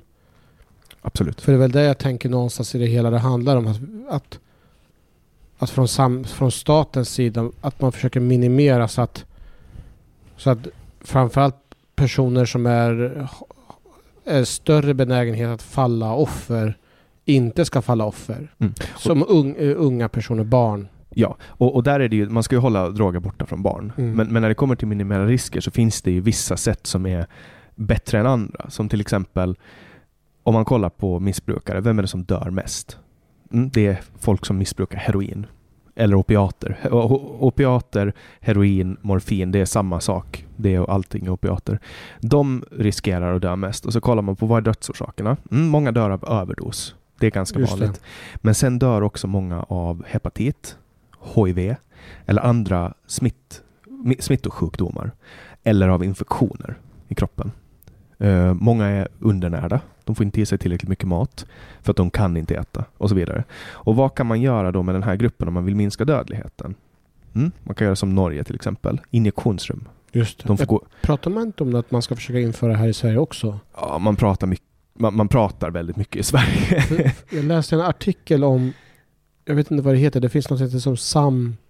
Det är någon ny utredning som har släppts precis. SAM sjukhusutredning eller någonting och där man har kommit fram till något liknande också. Mm. Jag vet inte om vi kan googla det, men där det också kommer fram till att man ska försöka skapa de här rummen. Ja, alltså socialminister Lena Hallengren eh, tackar ju hela tiden nej till de här. Alltså, det var ju till och med Folkhälsomyndigheten som föreslog att man skulle eh, titta på en utre- att man skulle titta på att börja utreda avkriminalisering. Men hon sa nej till det. Så att man, har, man är väldigt resistant när det kommer till det. För man, det, det, det ligger liksom i socialdemokratins själ att vara emot droger. Men om man tar injektionsrum till exempel så är det ett väldigt bra sätt att få ner dödligheten. Därför att då får människor som är beroende av opiater, så man vet att det är ett medicinskt tillstånd, alltså att tillvänja en kropp med opiater och sen ta bort opiaterna, är dödligt. Och det, och det vet man. Och man vet också att beroende är en sjukdom. Att då de här människorna får rena kanyler och sitta i ett rum där det finns eh, sjukvårdspersonal i närheten. Ifall det kommer en, en överdos eller eh, så, så kan de snabbt få hjälp på plats. Det finns liksom eh, Nalaxon, alltså som sånt botemedel för överdos och det finns hjärtstartare och det finns allt möjligt liksom. Och så har de nära till sjukhuset, men också rena kanyler. Och att de får mat. I och med att de går in och skjuter heroin. Att de får eh, vitaminer, vatten, de får gå på toa. Alltså en, en sån grej också. Det är svårt för en heroinist att få en toa att gå på. Därför att folk vill inte ha med dem att göra. Nej. Folk vill inte ha in dem i sina butiker. Du eller jag kan, om vi går till fältöversten och ska bli kissnödiga, så ha- ha- vi, du och jag kommer att få gå in på en toalett. Men, men kommer man där och, och ser ut som en missbrukare, då kan det vara svårare alltså. Och bara sådana små saker, eh, som liksom basic hygien, är det är ett st- stora problem. Och det är där harm reduction kommer in i bilden. Att det kanske är bättre att göra på ett sätt som känns fel i magen. Som att släppa cannabis fritt och, och kanske att till och med staten säljer. Det känns fel för att då känns det som att barn kommer att få tillgång till det. Men då kommer man ju att på ett mycket... Det, det, att påstå att det är kontrollerat idag, det är ju helt fel. När det är 14-åriga killar som säljer cannabis. Det, det, det stämmer att det, det är väldigt lätt att få tag på det. Och om inte man går till några av våra förorter till centrumområdet så är det väl väldigt enkelt att beställa via nätet. Ja, och via kontakt. Ja, kontakter. Har man 10-15 vänner, då är det garanterat två av dem, minst, Just det, ja. som känner någon som kan fixa droger Mm. åt en. Att få tag på droger är det minsta problemet. Ibland kan det vara svårare, om du bor ute på landet så, så kan det vara svårare att få tag på långa papper att rulla dem i, just det. än, än att få tag på cannabis. Ja. Liksom. Så Men alltså jag tror att när man jobbar som polis, man ser just vad alkoholen, hur mycket skada den orsakar samhället. Alltså, som, jag kommer inte ihåg om det var var tredje eller var fjärde misshandel eller så är kopplat till alkohol. Alltså det är så stora belastningar på samhället kopplat till alkoholen och det finns ju en oro att även om drogerna släpps helt fritt och att det säljs, det kommer bli större belastningar på samhället också utav att man begår olika typer av brott. Men å andra sidan så får man ju in en massa pengar också. Mm. Men då glömmer man att ta hänsyn till att antalet uh, människor med miss, alltså antalet missbrukare eller riskbrukare, brukare, kommer inte att öka bara för att man släpper, släpper fri en ny drog.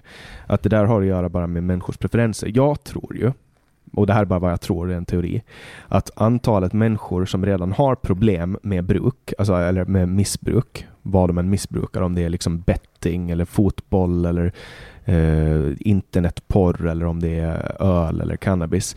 Att, att en människa som är aggressiv, ta till exempel eh, Ronny Andersson, det är en fiktion, eh, fiktiv karaktär som jag hittar på nu bara för att på 90-talet, man gjorde ju studier på fängelser där alla hette typ Conny, Ronny eller Sonny och det var större. det var liksom så här, ja, flera sådana som satt i fängelse än andra. Nej, men så man tar Ronny Andersson som är, är 40 år gammal, tvåbarnspappa som slår sin fru som dricker eh, jättemycket öl på kvällarna för att han mår dåligt och han hatar sitt jobb och han har aldrig jobbat på sig själv. Och så dricker han öl och eh, frun är jätterädd för hon vet att på fredag, lördag då dricker Ronny och då slår han också. Och tänk då om Ronny istället fick sätta sig ner med en joint istället och, och titta på På spåret eller på Youtube-klipp på katter. Tror du, som har också erfarenhet av, av cannabis, tror du att han skulle bli aggressiv då om han rökte cannabis istället Alltså, för jag, jag, vet ju själv av egna erfarenheter att det är ju inte att man blir ju mer lugn av att ta cannabis. Men samtidigt så har jag åkt på många eh, jobb där det är just personer som har eh, besvär eller stor press eller psykisk press och så. Att de kan flippa och misshandla sina fruar. Och då är de påverkade för det är, de har så mycket annat press på sig så att Mm. det är ju inte omöjligt att det skulle hända. Och jag har ju Mm. åkt på många sådana jobb. Men jag tänker om man kollar på gruppnivå i allmänhet eh, och på effekterna av cannabis så har cannabis en tendens att lugna folk. Ja, det är Så att- absolut. Det, håller, det köper jag och det, det är min erfarenhet också. Mm. Och, och sen, sen finns det ju människor som helt nykter flippar och slår Ja, folk ändå. absolut. Och, och, och de kanske vet om att de mår dåligt. För att flippar man och börjar slåss, Mm. då mår man ofta dåligt. Och då försöker man ofta självmedicinera det.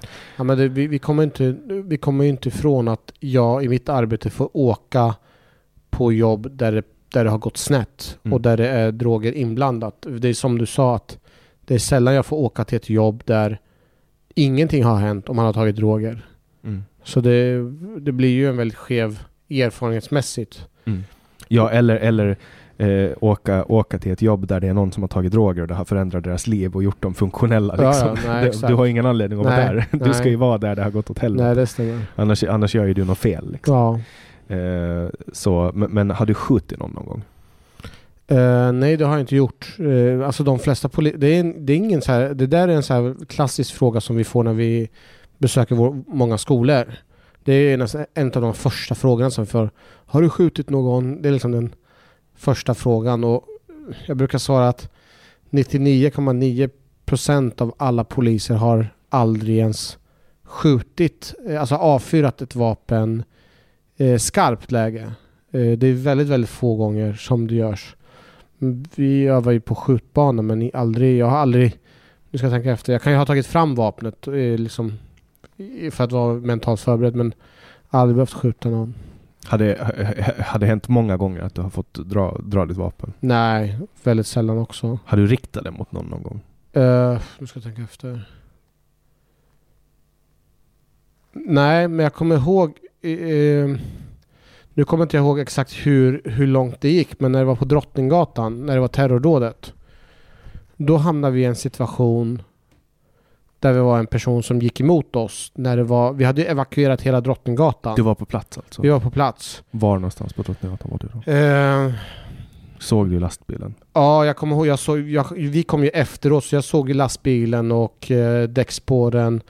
Eh, jag kommer ihåg att det var vid en biograf, Skandia biograf eller någonting heter den. Och sen inte så långt ifrån en Hennes Maurits butik där. Och då hade man ju evakuerat hela Drottninggatan så att det inte fanns... Det var ingen som fick gå på Drottninggatan. Eh, och mitt i det här så är det en, eh, en äldre man som bara kommer emot oss. Och vi hade, det ska också tilläggas att vi fick ett larm om att Eh, det var en person som hade sett en pistolbeväpnad person. Och man misstänkte att det här kunde vara just själva terroristen, gärningspersonen. Så det, det var därför vi beordrades dit från första början. Och när vi är där och jobbar då ser vi den här mannen kommer emot oss och, ehm, eh, och vi beordrade honom att stanna men att han vägrade att stanna utan han fortsatte gå emot oss. Och då kommer jag ihåg att mina kollegor eh, riktade sina vapen mot honom. Och jag kommer ihåg att jag, jag minns inte om jag höll och riktade mot honom eller om jag tog fram vapnet någonting. Var det han som ni eh, hand, handfängslade? Vi, vi, vi fängslade honom. Ja, för det finns ju filmer på det när Alltså från eh, Drottninggatan. Jag kommer ihåg det, att det var, det stod i, jag följde det live. Och då var det så här, polisen har eh, handfängslat en man på Drottninggatan misstänkt terrorist, bla bla bla bla. Jag, kom, jag kommer ihåg till och med att det finns någon dokumentär där det är någon allmänhet som har filmat oss när vi riktar vapnet och beordrar ner honom. Så, finns, så har det som spridits sådär. Kommer, vi kom nog aldrig så långt att vi behövde fängsla honom men vi tryckte ner honom och kontrollerade honom. Och jag brukar också säga att han var ju ingen terrorist utan han var bara en full turist. Mm. Ehm, men det var ju, jag kommer ihåg när jag tittade på mina kollegor och vi var alla överens om att det var en, eh, det var handla om, handla om en millimeter sekund innan vi hade då kanske avfyrat våra vapen samtidigt och han skulle, mm, vi skulle kunna döda honom där för att han lydde inte våra order utan han fortsatte gå emot oss. Så det, det, var, det var, skulle jag säga det närmsta ögonblicket jag Och kom jag menar den situationen ni var på då, det låg alltså kroppar på gatan Ja. fortfarande. Japp. Eh, och, och blödde. aktivt och var liksom där och det var massa människor och alltså den situationen. Hur, hur, hur fungerar du? Alltså hur, hur var det? Alltså hur var Eh, situationen? Vi kom ju, jag kom ju i den här situationen kom vi efter ett tag. Då låg det ju massor med kroppar ute på Drottninggatan men sjukvården har varit där och räddningstjänsten var där så de låg, det låg ju så orangea filtar så det var ju kroppar överallt. Eh, det, är, alltså det är så svårt att förklara men det kändes som om allting gick i slow motion från att när jag klev ur polisbilen och tar steget ur polisbilen och und- kliver under avspärrningsbandet så känns det som om det är som en film du vet när, eh, när ljudet, när, in, när inte du hör ett ljud utan du hör bara ett sus. Fast att det var så mycket skrik och muller så jag tror att till och med hörseln stängde nästan av för att det var ju en sån eh, extremt stressad situation. Eh, och och jag, när jag blickar ner så ser jag liksom en massa med köttslamser. Alltså jag ser massor med kött och hår och det är konstigt hur hjärnan fungerar för att eh, min hjärna ju, vill ju bara förstå allting. Så den försöker bara rationellt förstå vilka delar av en kropp det är jag ser. Eh, är det liksom hår, är det från ett skalle jag ser eller vart på kroppen kan det vara? Och jag kommer ihåg också att jag ser en, liksom en övergiven barnvagn som är helt nedkvaddad. Och den första tanken är ju så här shit vad fan hände med barnet? För det handlar om ett väldigt litet barn i barnvagn. Eh, så småningom får vi veta att den här köttslamsen, det tillhörde ju, det var en, det var en hund. Eh, det var en labrador, en brun labrador.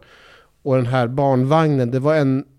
Eh, jag tror det var en mormor eller farmor eller någon som var ute med sitt barnbarn.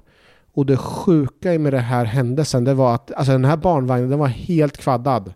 Den var helt kvaddad, men jag fick berättat, återberättat att det här barnet klarade sig. Ba, det här barnet klarade sig och mormor vet jag inte vad som hände med henne och så här.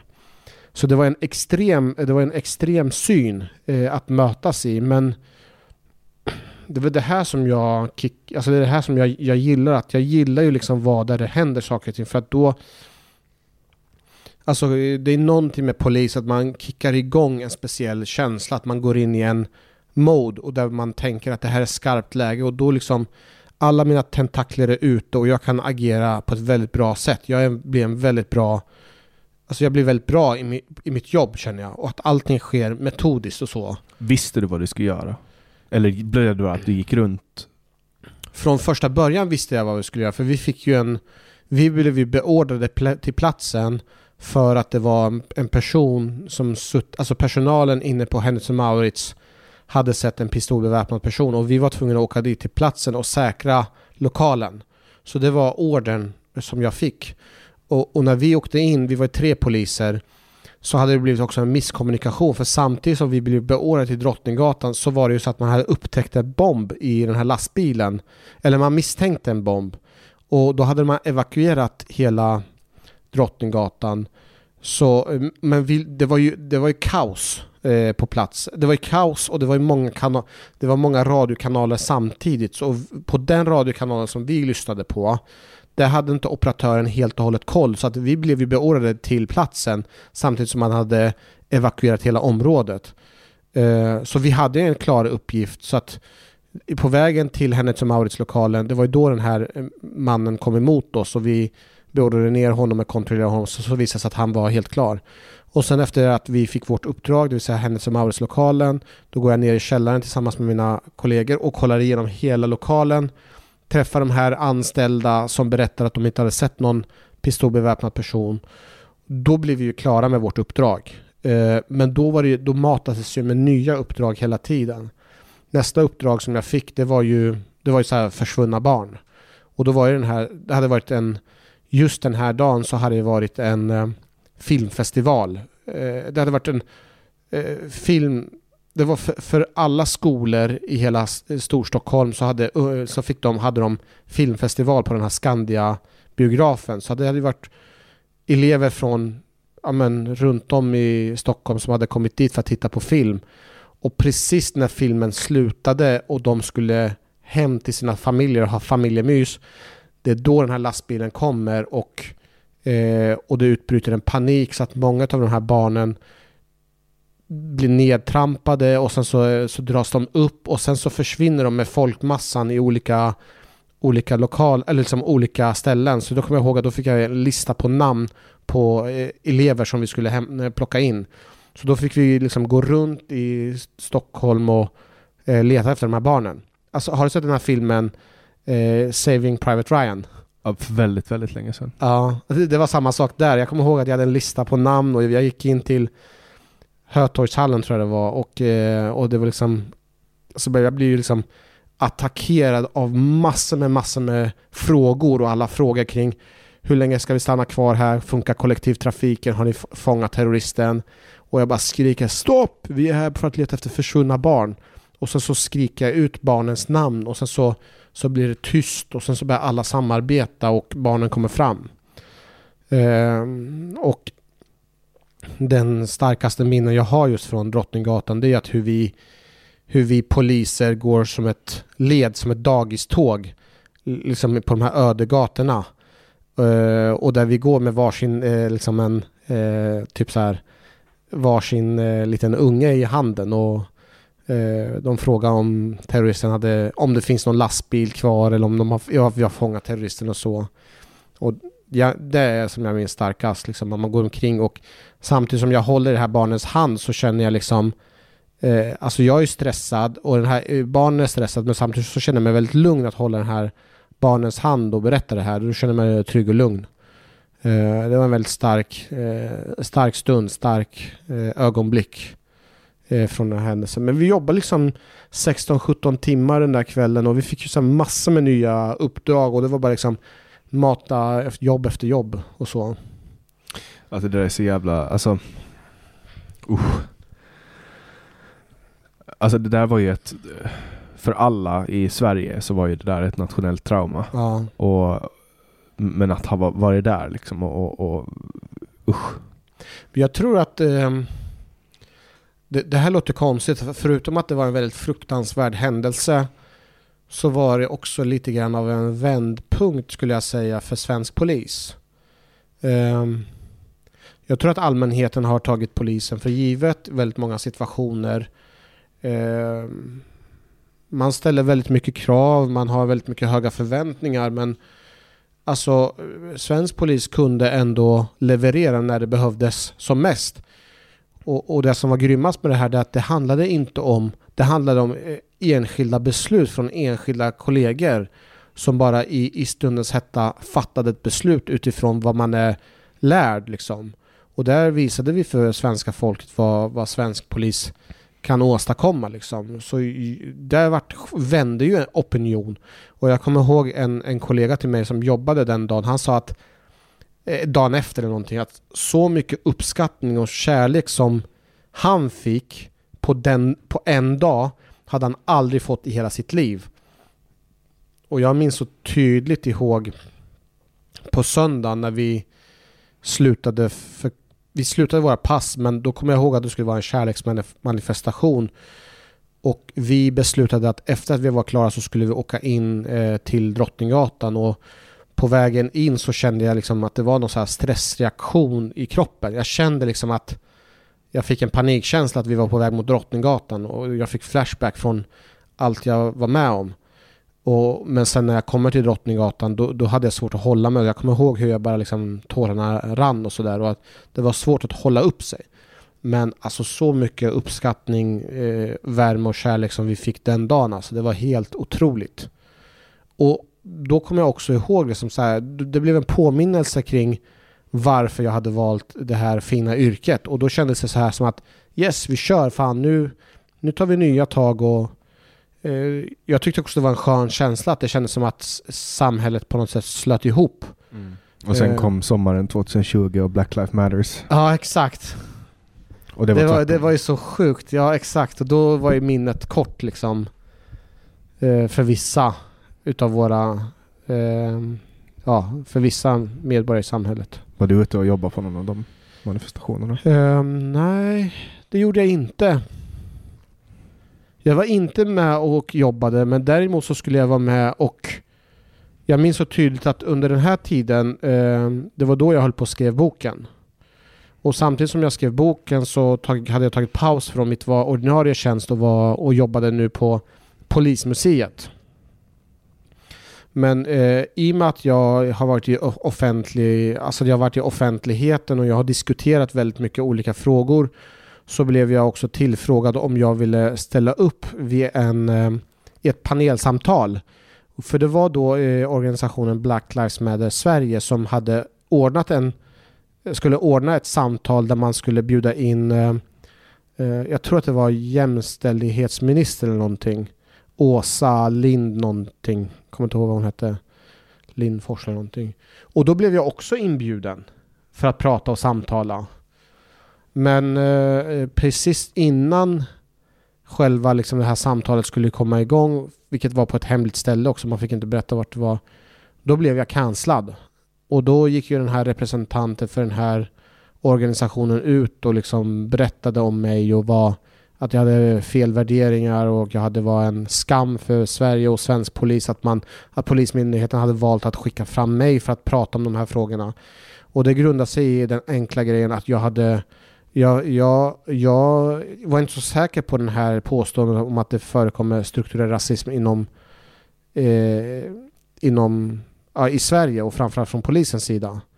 Eh, utan jag, jag, frågasatte, jag frågasätter det påståendet och vill gärna ha mer evidens.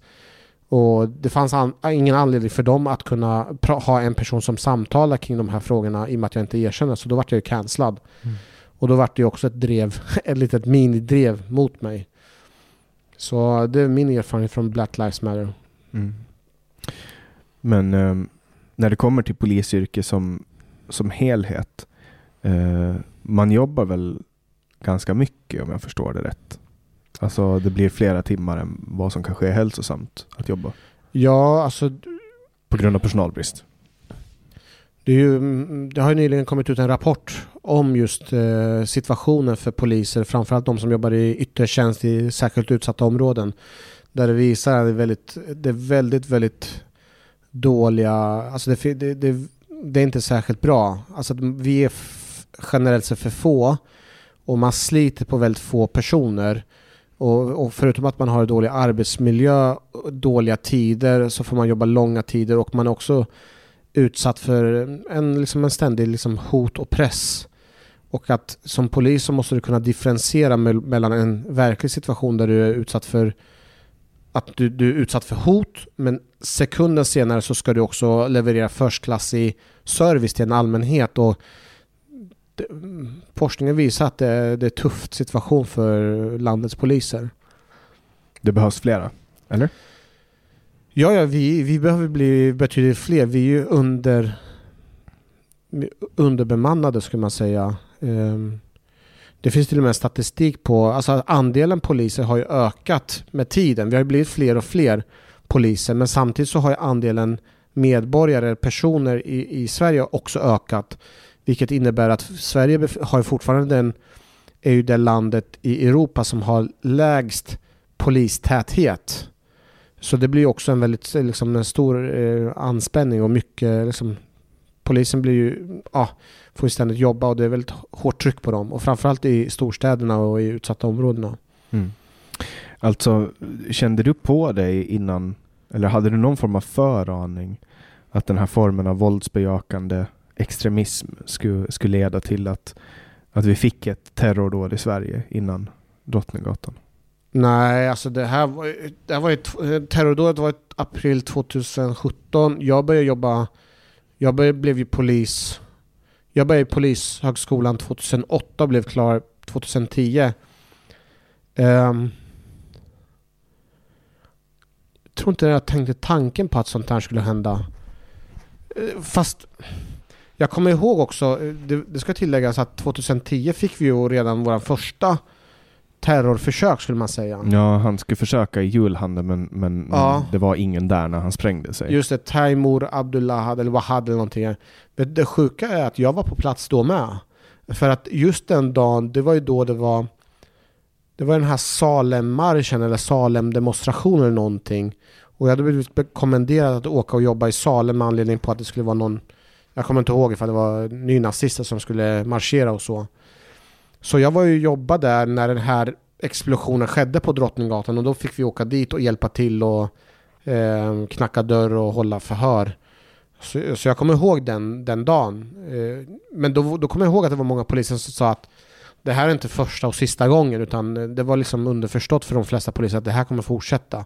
Vi kommer ha fler eh, terrorhändelser i framtiden. Ja, alltså jag kommer till och med ihåg hur, hur tiden sände då. Magnus Bettner hade ju någon, någon sketch, eller det heter inte sketch när det är stand-up, men han hade någon, vad säger man? Uh, säger man att det är en rutin där mm. han pratar om att äntligen Sverige har fått sin första självmordsbombare.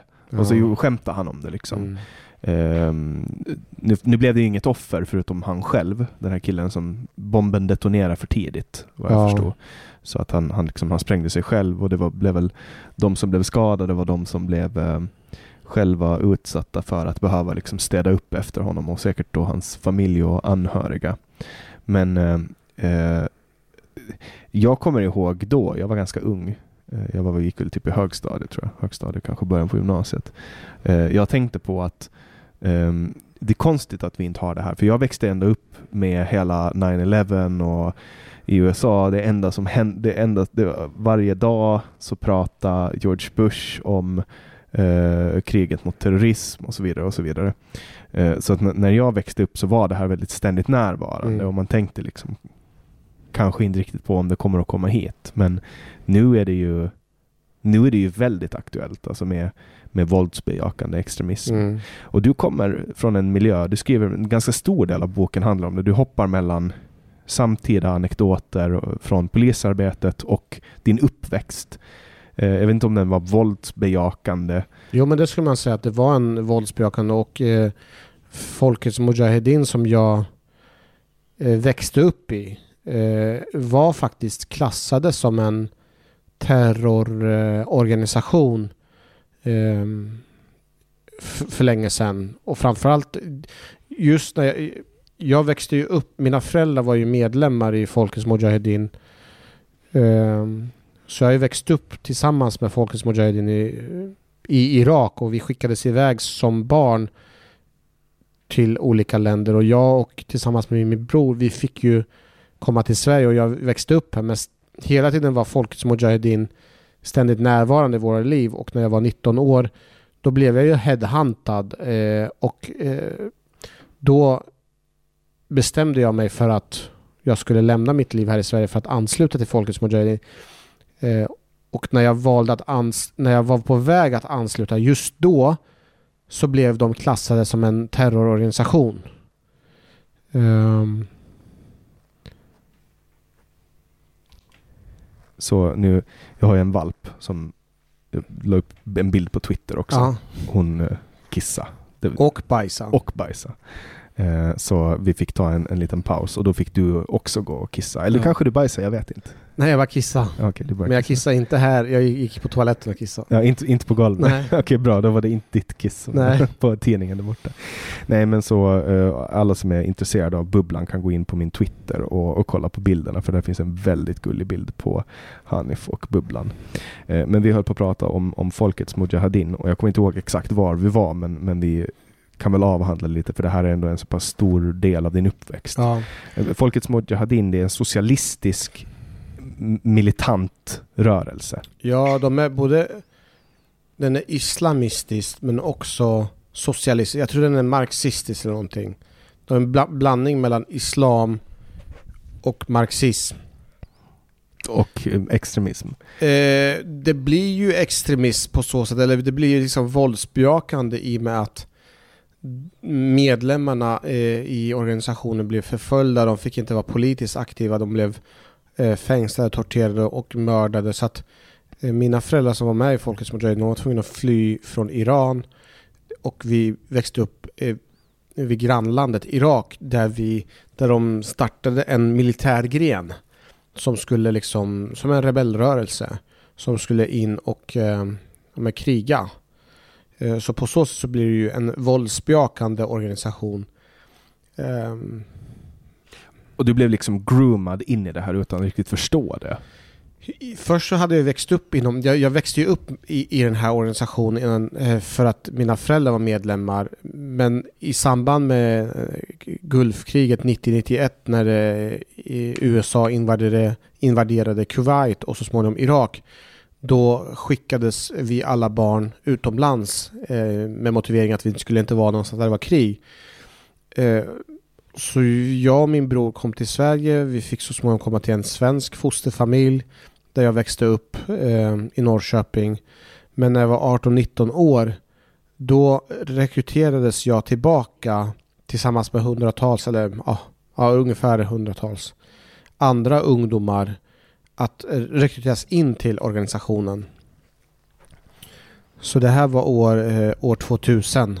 Var det här någon form av, av överlagd tanke? Att de planerar att de ja. skickar ut er till länder, ni får bra utbildning och sen kommer ni tillbaks och så ger ni dem intellektuellt kapital? Ja, eh, det, det var, allting var genomtänkt. Kanske inte att de såg någon form av så intellektuellt kapital, men de hade en idé om att om, om vi skickar iväg dem utomlands så slipper de vara en belastning för, eh, för organisationen. Men vi ska se till att de inte ska rota sig. Vi ska se till att inte de känner sig att de är trygga eller att de, ah, att de är liksom tillhör ett annat land. Utan vi ska se till att de är labila och instabila. Och så småningom kommer de att välja att åka tillbaka till, eh, till eh, Folkets Mujahedin. Och eh, den tydligaste exemplet är ju bland annat eh, Hanif Bali, hur han har ju själv berättat i programmet Min sanning hur han blev ju flyttad från en, en familj där han växte upp och, eh, och trivdes med en svensk familj i, på Gotland till att han fick bo i andra familjer. Och så småningom fick han bo på ett ungdomsboende och sådär. För att eh, Folkets Mujahedin var på socialtjänsten. Och på så sätt så opererade de, jobbade de så att ingen skulle känna sig trygg. Och de låtsades vara föräldrar och släktingar och sånt? Ja. Eh, och, och fick en omplacerade? Ja, och de refererar till alla möjliga olika grejer till att det är inte rätt religion och behöver känna ha en bra religion och sådär. Så att eh, på så sätt så blev eh, så var det många som mådde väldigt dåligt och jag fick ju egentligen en väldigt bra uppväxt för jag fick ju eh, bo, jag fick växa upp i en svensk familj men ändå så hade jag ju ändå någon form av identitetskris när jag var eh, 18-19 år. Och jag bestämde mig för att ansluta till Folkets Mujahedin. Och eh, under den här processen så blev ju liksom, det var inte så att jag bestämde mig över en dag utan det var en process som pågick över ett år där jag sakta, sakta kom in i rörelsen och jag fick lära mig så mycket mer. Jag fick undervisning. Eh, och under den här tiden så blev jag mer och mer så här intresserad av organisationen och till slut så bestämde jag mig. Och bara en liten intressant detalj var ju att 11 september skedde ju 2001. Ett. Hösten där, eh, 11 september. Och då hade vi precis varit på en demonstration i Belgien och jag kommer ihåg när vi, sit, när vi sitter i bilen och på väg tillbaka till Paris där jag bodde då, där det var deras huvud, huvudbas. Och då berättade de på radion att det här attacken mot World Trade Center hade skett. Och jag minns eh, instinktivt hur glad jag blev över den här terrorattacken. Eh, och hur vi firade den eh, i bussen men även så småningom när vi kom till, till, eh, till Paris. Och vi, eh, vi fortsatte att följa den här utvecklingen i USA med glädje att eh, äntligen så blev USA själva attackerade av terrorister. Det tyder ju på en, en oerhörd indoktrinering. Ja. Alltså från, från det västerländska sättet att se det. För att det här är ju mer känt som ett, ett trauma för alla västerlänningar som såg liksom att oj shit, nu är den, den fria världen är hotad. Liksom. Att, att man, man, behöver vända en, en, person som ändå har växt upp i, i Sverige, man behöver vända den ganska långt för att, för, för att känna de känslorna, antar jag. Ja, och det... Jag kan ju nu, nu när jag är liksom lite äldre, kan jag bli förvånad över den här glädjen. Men det var så jag växte upp. Och vi växte upp med ett hat och förakt mot eh, USA. Och det var en... Häng, häng kvar. Mm. Alltså jag växte upp med en hat och förakt mot eh, USA. Så det här var ju bara... Det var ju helt fantastiskt att, eh, att någon lyckades ge igen på, på USA. Men absolut, ja, vi var nog präglade av eh, Vi var präglade av, eh, av det här kriget och kampen mot, eh, mot västvärlden och så. Även om det primära för oss var ju att vi skulle kriga mot iranska regeringen fan satt i halsen? Mm. Jag skrev upp eh, tidpunkten här så jag... Ja, du gör det. det är bra. Ja. Spelar den in där eller överförs det eller vart? Den spelar in det lokalt och så för jag in det i Mm. datorn sen. Jag tror de hade sånt också, Bali och de. Något sånt liknande. Mm, det är en Zoom H6 så du kan koppla i, i fyra mikrofoner sen kan du lägga in en tillsats om du vill Ja, ha skitbra. till. Så att den här är bästa, bästa portabla enheten som finns. Mm. Men, men det stämmer, det var ju, vi var ju radikaliserade kan man säga och eh, jag hade ju väldigt mycket minnen från när jag växte upp i Irak där jag jag kopplade väldigt mycket till min uppväxt och att vi, skola stängde igen och att vi fick skickas iväg utomlands. Jag kopplade till USA och framförallt hur, hur de gick till angrepp mot Irak och hur, hur jag växte upp med att eh, flygserierna gick igång och att det var fly, eh, amerikanska bombplan. Så ehm, Såg du och hörde krig eller var det bara distant? alltså, i- på så sätt, vi hörde ju liksom flygsirenerna och paniken att vi fick gå och gömma oss.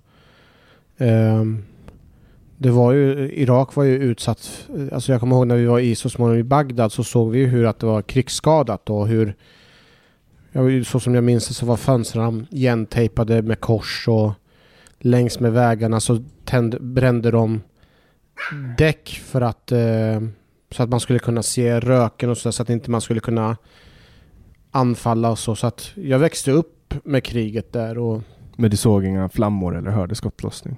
Nej, inte, inte vad jag minns. Eh, Men jag har också hört att eh, jag vet inte hur, om det stämmer, men att vid ett tillfälle så skulle den här bussen som vi åker för att lämna Irak, att när vi åker så, så har ju andra barn hört hur, hur det har smält igen, alltså bakom bussen. Jag vet inte ifall det stämmer, jag har inget minne av det och så. mm, På så sätt. Så det är mer liksom en allmän stäm, eh, stämning snarare än att man ser döda kroppar och så. Eh, Men jag tror det här hatet mot USA var väl en motivering och man fick ju liksom göra det begripligt genom att säga att USA är de onda och så. Eh, Så det, det, det växte jag upp med liksom, även i Sverige och så. Finns det, finns det kvar spår av det idag? Eller har du lyckats liksom radera ur? Hos mig? Ja. Ehm, nej, alltså jag känner inget hat mot USA så. Däremot så kan jag... Jag, jag fattar ju själv att jag har en pragmatisk förhållningssätt till västvärlden utifrån hur, eh, hur västvärlden är. Men jag vet ju också liksom hur... Eh, alltså om, om man tänker sig liksom kriget i Irak. Vad USA åstadkommit eh, efter eh, 11 september och hur, eh, med, med vilken motivering man valde att gå in i Irak och hur många oskyldiga människor som blev drabbade så kan jag också tycka att det är fruktansvärt det som har hänt. Men jag går, omkring, jag går inte omkring och känner en, ett hat. Jag känner inte hat mot någon särskilt. Jag, det största hatet som jag känner, väl, eller det största förakten, det är väl kanske mot iranska regeringen och framförallt deras eh, hur de behandlar människor och hur de behandlar kvinnor och så.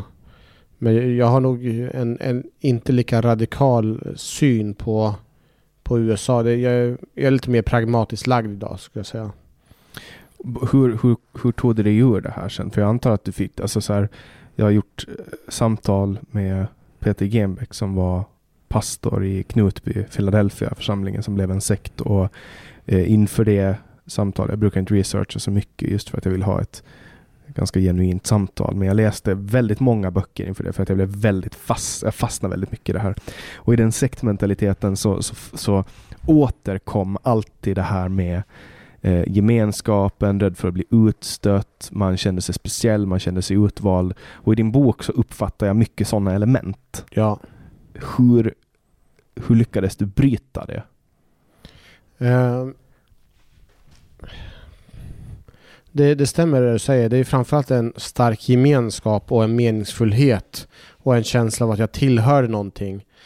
Eh, men i det också fanns det också att jag själv befann mig, jag hade en egen svacka, jag mådde ju dåligt och jag ville hitta någonting annat. Samtidigt som jag kände en gemenskap och en samhörighet och tillhörighet med Folkets Mujahedin så brukar jag också säga att jag var otroligt försvenskad. Jag var så pass försvenskad så jag kunde ju inte ens persiska språket när jag valde att ansluta. Jag kunde, jag kunde, efter ett tag så började jag lära mig det, eh, vad heter det persiska språket men jag var ju alldeles för svensk. Jag gick ju under namnet den svenska Hanif. Och jag tror att ju mer tid jag spenderar med, med Folkets Mujahedin desto mer tvivlar jag på, på, på massor med grejer. Jag tvivlade på deras syn på jämställdhet. Jag, jag tvivlade på synen på manligt och kvinnligt. Jag, eh, hela idén med att man ska kriga för att det skulle bli demokrati i Iran hade jag så svårt att kunna identifiera mig med för jag hade ingen som helst minne av Iran. Jag uppfattade mig mer som att jag var mer svensk än iranier. Och så därför så kände jag liksom att hela den här idén att jag skulle ansluta för att befria Iran, för mig var det en sekundär grej. Alltså för mig var det, det, det, det primära var ju gemenskapen. Och, och att äh, kriga för demokrati i Iran, det var sekundärt. Jag hade egentligen inget intresse. Men den största grejen som jag ändå bestämde mig för mig själv var att uh, jag, jag bestämde mig själv att jag, jag skulle ansluta under förutsättningen att jag hade koll på Mujahedins ideologi. Jag sa så här, jag ska inte köpa grisen i säcken utan jag ska ge mig in i det här men när jag känner att jag har tillräcklig koll på Mujahedins ideologi så jag, det överensstämmer med vad, vad jag tycker är värdefullt då skulle jag ge mig in i det här. Men ju mer jag var med i Mujahedin och frågade om de här specifika frågorna så märkte jag att det fanns för det första inget svar. Sen så började jag fundera och reflektera över olika skeende, olika händelser eh, och som Mujahedin har varit med om. Bland annat det här beslutet att de bestämde sig att de skulle eh, lämna Iran för att vad heter för att kriga från Irak och att de hade väldigt nära samarbete med, Sauda, eh, med Saddam Hussein. Jag reflekterar över vem Saddam Hussein var som en ledare och för mig så framstod han en ledare som överensstämde väldigt mycket med Ayatollah Khomeini. Och jag tyckte det var så konstigt att man hade en, liksom, man ville kriga mot någon som var en tyrann, en diktator. Men samtidigt så hade man ett väldigt nära samarbete med en annan som var, hade liknande drag. Och det kunde inte jag riktigt förstå. Jag fick inte ihop logiken där. Ehm, sen så var det även generella plan när jag såg på video kring hur de, hur de liksom agerade, liksom hur deras militärer var och hur de agerade så såg jag att det var väldigt, det såg väldigt amatöraktigt ut. Och eh, tidigare historia kring hur de hade gått ut i krig och hur vid ett specifikt krig som kallas för evigt ljus eller Frågor Javidan, då hade de förlorat en stora del av deras eh, arméer baserat på ett beslut från deras ledare att de skulle gå in och kriga och att de hade blivit slaktade. Alltså det var ur vissa aspekter så var det så otroligt amatöraktigt gjort. Så att det var, jag, det blev mer och mer tydligt för mig att det här, det här skulle inte hålla i längden. Jag skulle bli uttråkad. Så att um, jag, jag, jag, jag, sa till dem så här att jag kommer ihåg jag var i, i, i Bagdad och var, hade precis träffat min mamma. De hade jobbat jättelänge på att jag skulle övertalas att stanna. Och då sa jag till henne så här att jag ska ansluta till Folkens Mujahedin men först så måste jag åka hem och ta farväl av mina svenska föräldrar som hade ställt upp för mig. Och även min bror måste jag prata med honom. Jag kan inte lämna min bror i Sverige utan säga hej då. Och då sa min mamma, men åk hem till Sverige och ta farväl av dina svenska föräldrar. med din bror, honom ska du med dig nästa gång vi ses. Eh, och med det löftet så valde jag att åka tillbaka till Sverige. Och när jag kom till Sverige så, så ändrades min inställning till Sverige. Det, min, eh, min inställning innan det, det var att Sverige är ett rasistiskt land. Sverige är ett land som egentligen inte vill ha mig för att jag jag skyllde egentligen alla mina misslyckanden på samhället och jag skyllde liksom så att Sverige är ett rasistiskt samhälle. De vill inte ha mig här. Jag har ingen plats här. Jag får inte ens ett jobb. Um, till att när jag kom tillbaka nu så började jag känna att fan jag trivdes ändå väldigt bra i Sverige och att allting var inte perfekt men jag hade mina vänner. Eh, det var saker och ting fungerade väldigt bra i Sverige och jag uppskattar den här friheten att få tycka och tänka som man vill och friheten att göra vad jag vill och friheten att liksom ja, men leva mitt liv precis som jag ville göra. Och mm, någonstans under den här processen så, eh, så började jag liksom reflektera över vad jag ville göra med mitt liv. Jag, jag, jag började liksom... Jag hamnade i så här existentiella frågor. Vem är jag? Vad är meningen med mitt liv? Vad vill jag åstadkomma? Och det var liksom som att jag fick gå en så här crash course i, i att komma fram till de här svaren för att kunna sen gå vidare. Och jag kom fram till att det finns egentligen ingen mening med livet utan meningen med livet är vad du själv gör av det. Jag kom väldigt snabbt fram till att det jag vill åstadkomma av mitt liv det är att skapa, vara med om så mycket händelser. Jag vill vara med, bli rik på erfarenhet. Jag vill vara rik på massor med... I slutändan när jag dör så vill jag kunna titta tillbaka och säga att jag har varit med om så mycket grejer. Och det bestämde jag att det är meningen med mitt liv och då bestämde jag mig för att göra comeback i svenska samhället och jag påbörjade projekt svensk. Jag skulle bli mer svensk än svenskarna. Eh, och, då, och då bestämde jag mig att jag skulle anstränga mig och inte skylla mina problem på, på samhället utan jag har ett ansvar för mig själv. Och då valde jag liksom att inte åka tillbaka till Mujahedin, Mujahedin, utan då valde jag att uh, vara kvar i Sverige. Och jag kommer ihåg mitt första jobb när jag bestämde mig för att vara kvar. Det var att jag var tvungen att börja jobba som städare. Jag började jobba som en så här eh, städa kontor. Uh, eh, jag kommer ihåg att jag städat så här kriminalvårdens så här kontor och så i Norrköping. Sen började jag jobba som flyttgubbe. Började flytta grejer. Sen efter det så fick jag jobba som brevbärare. Så jag var tvungen att börja liksom från... Jag fick börja från noll igen. Um, men jag sökte också svensk medborgarskap. Och när jag fick medborgarskapet då ringde jag till Pliktverket och bad om att få göra så här mönstra. Mm.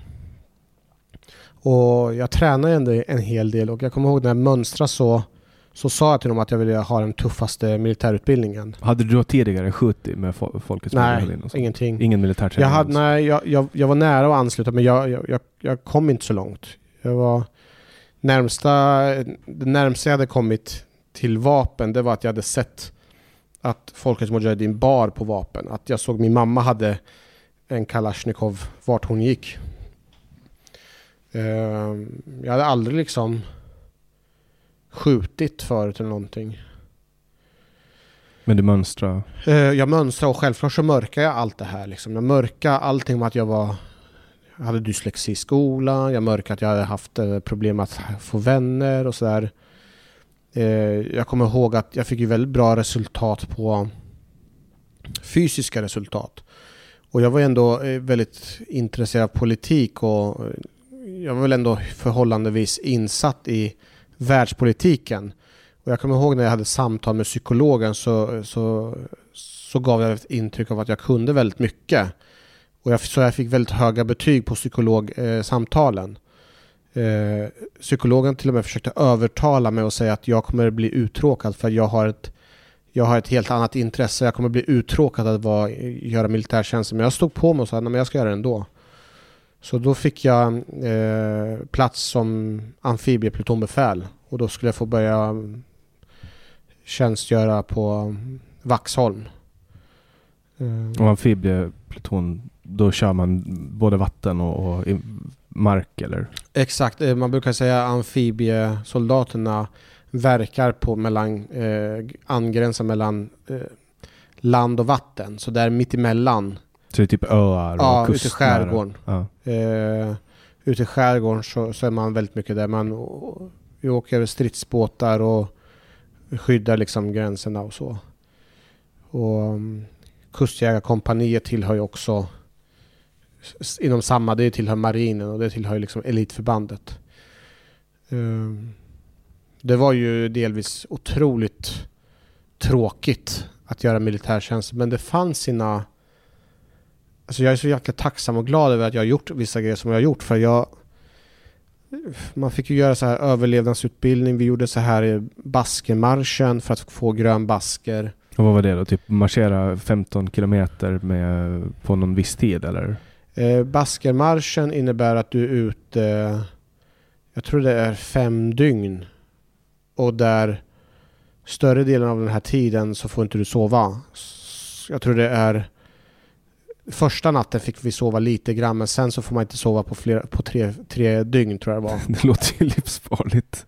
Ja, Alltså det låter sjukt. Eh, Ja. Och förutom det så fick man marschera typ minst 100 kilometer.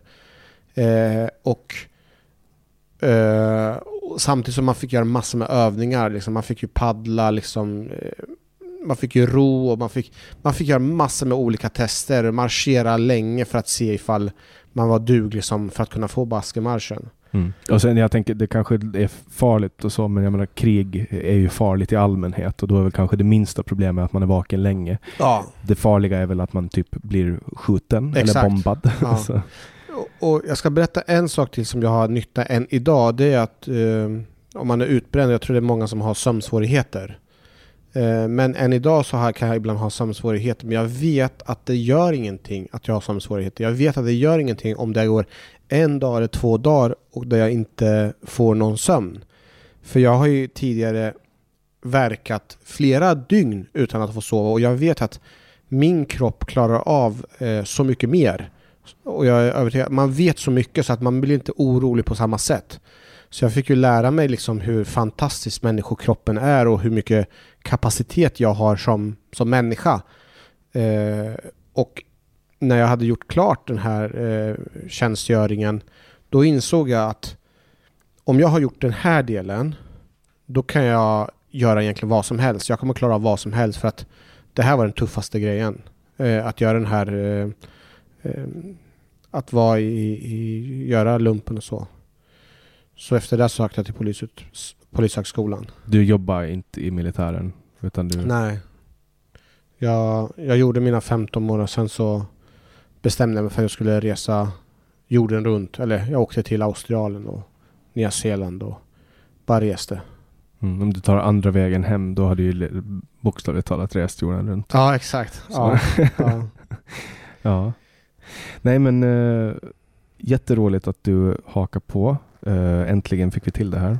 Håller på sedan april tror jag. Eh, så jättestort tack Hanif. Tack så mycket. Och till alla er som har lyssnat så vill jag tacka er för att ni återkommer vecka efter vecka, för att ni tipsar och för att ni delar den här podden till era nära och kära. Om det är så att du vill stödja den här podden så kan du göra det genom att gå in på bulletin.nu och bli pluskund. Då får du ta del av den här podden och några andra poddar också en vecka före alla andra. Med det sagt önskar jag er alla en jättefin dag eller kväll var du än lyssnar. Du har lyssnat på podcasten Samtal. Jag heter Jannik Svensson.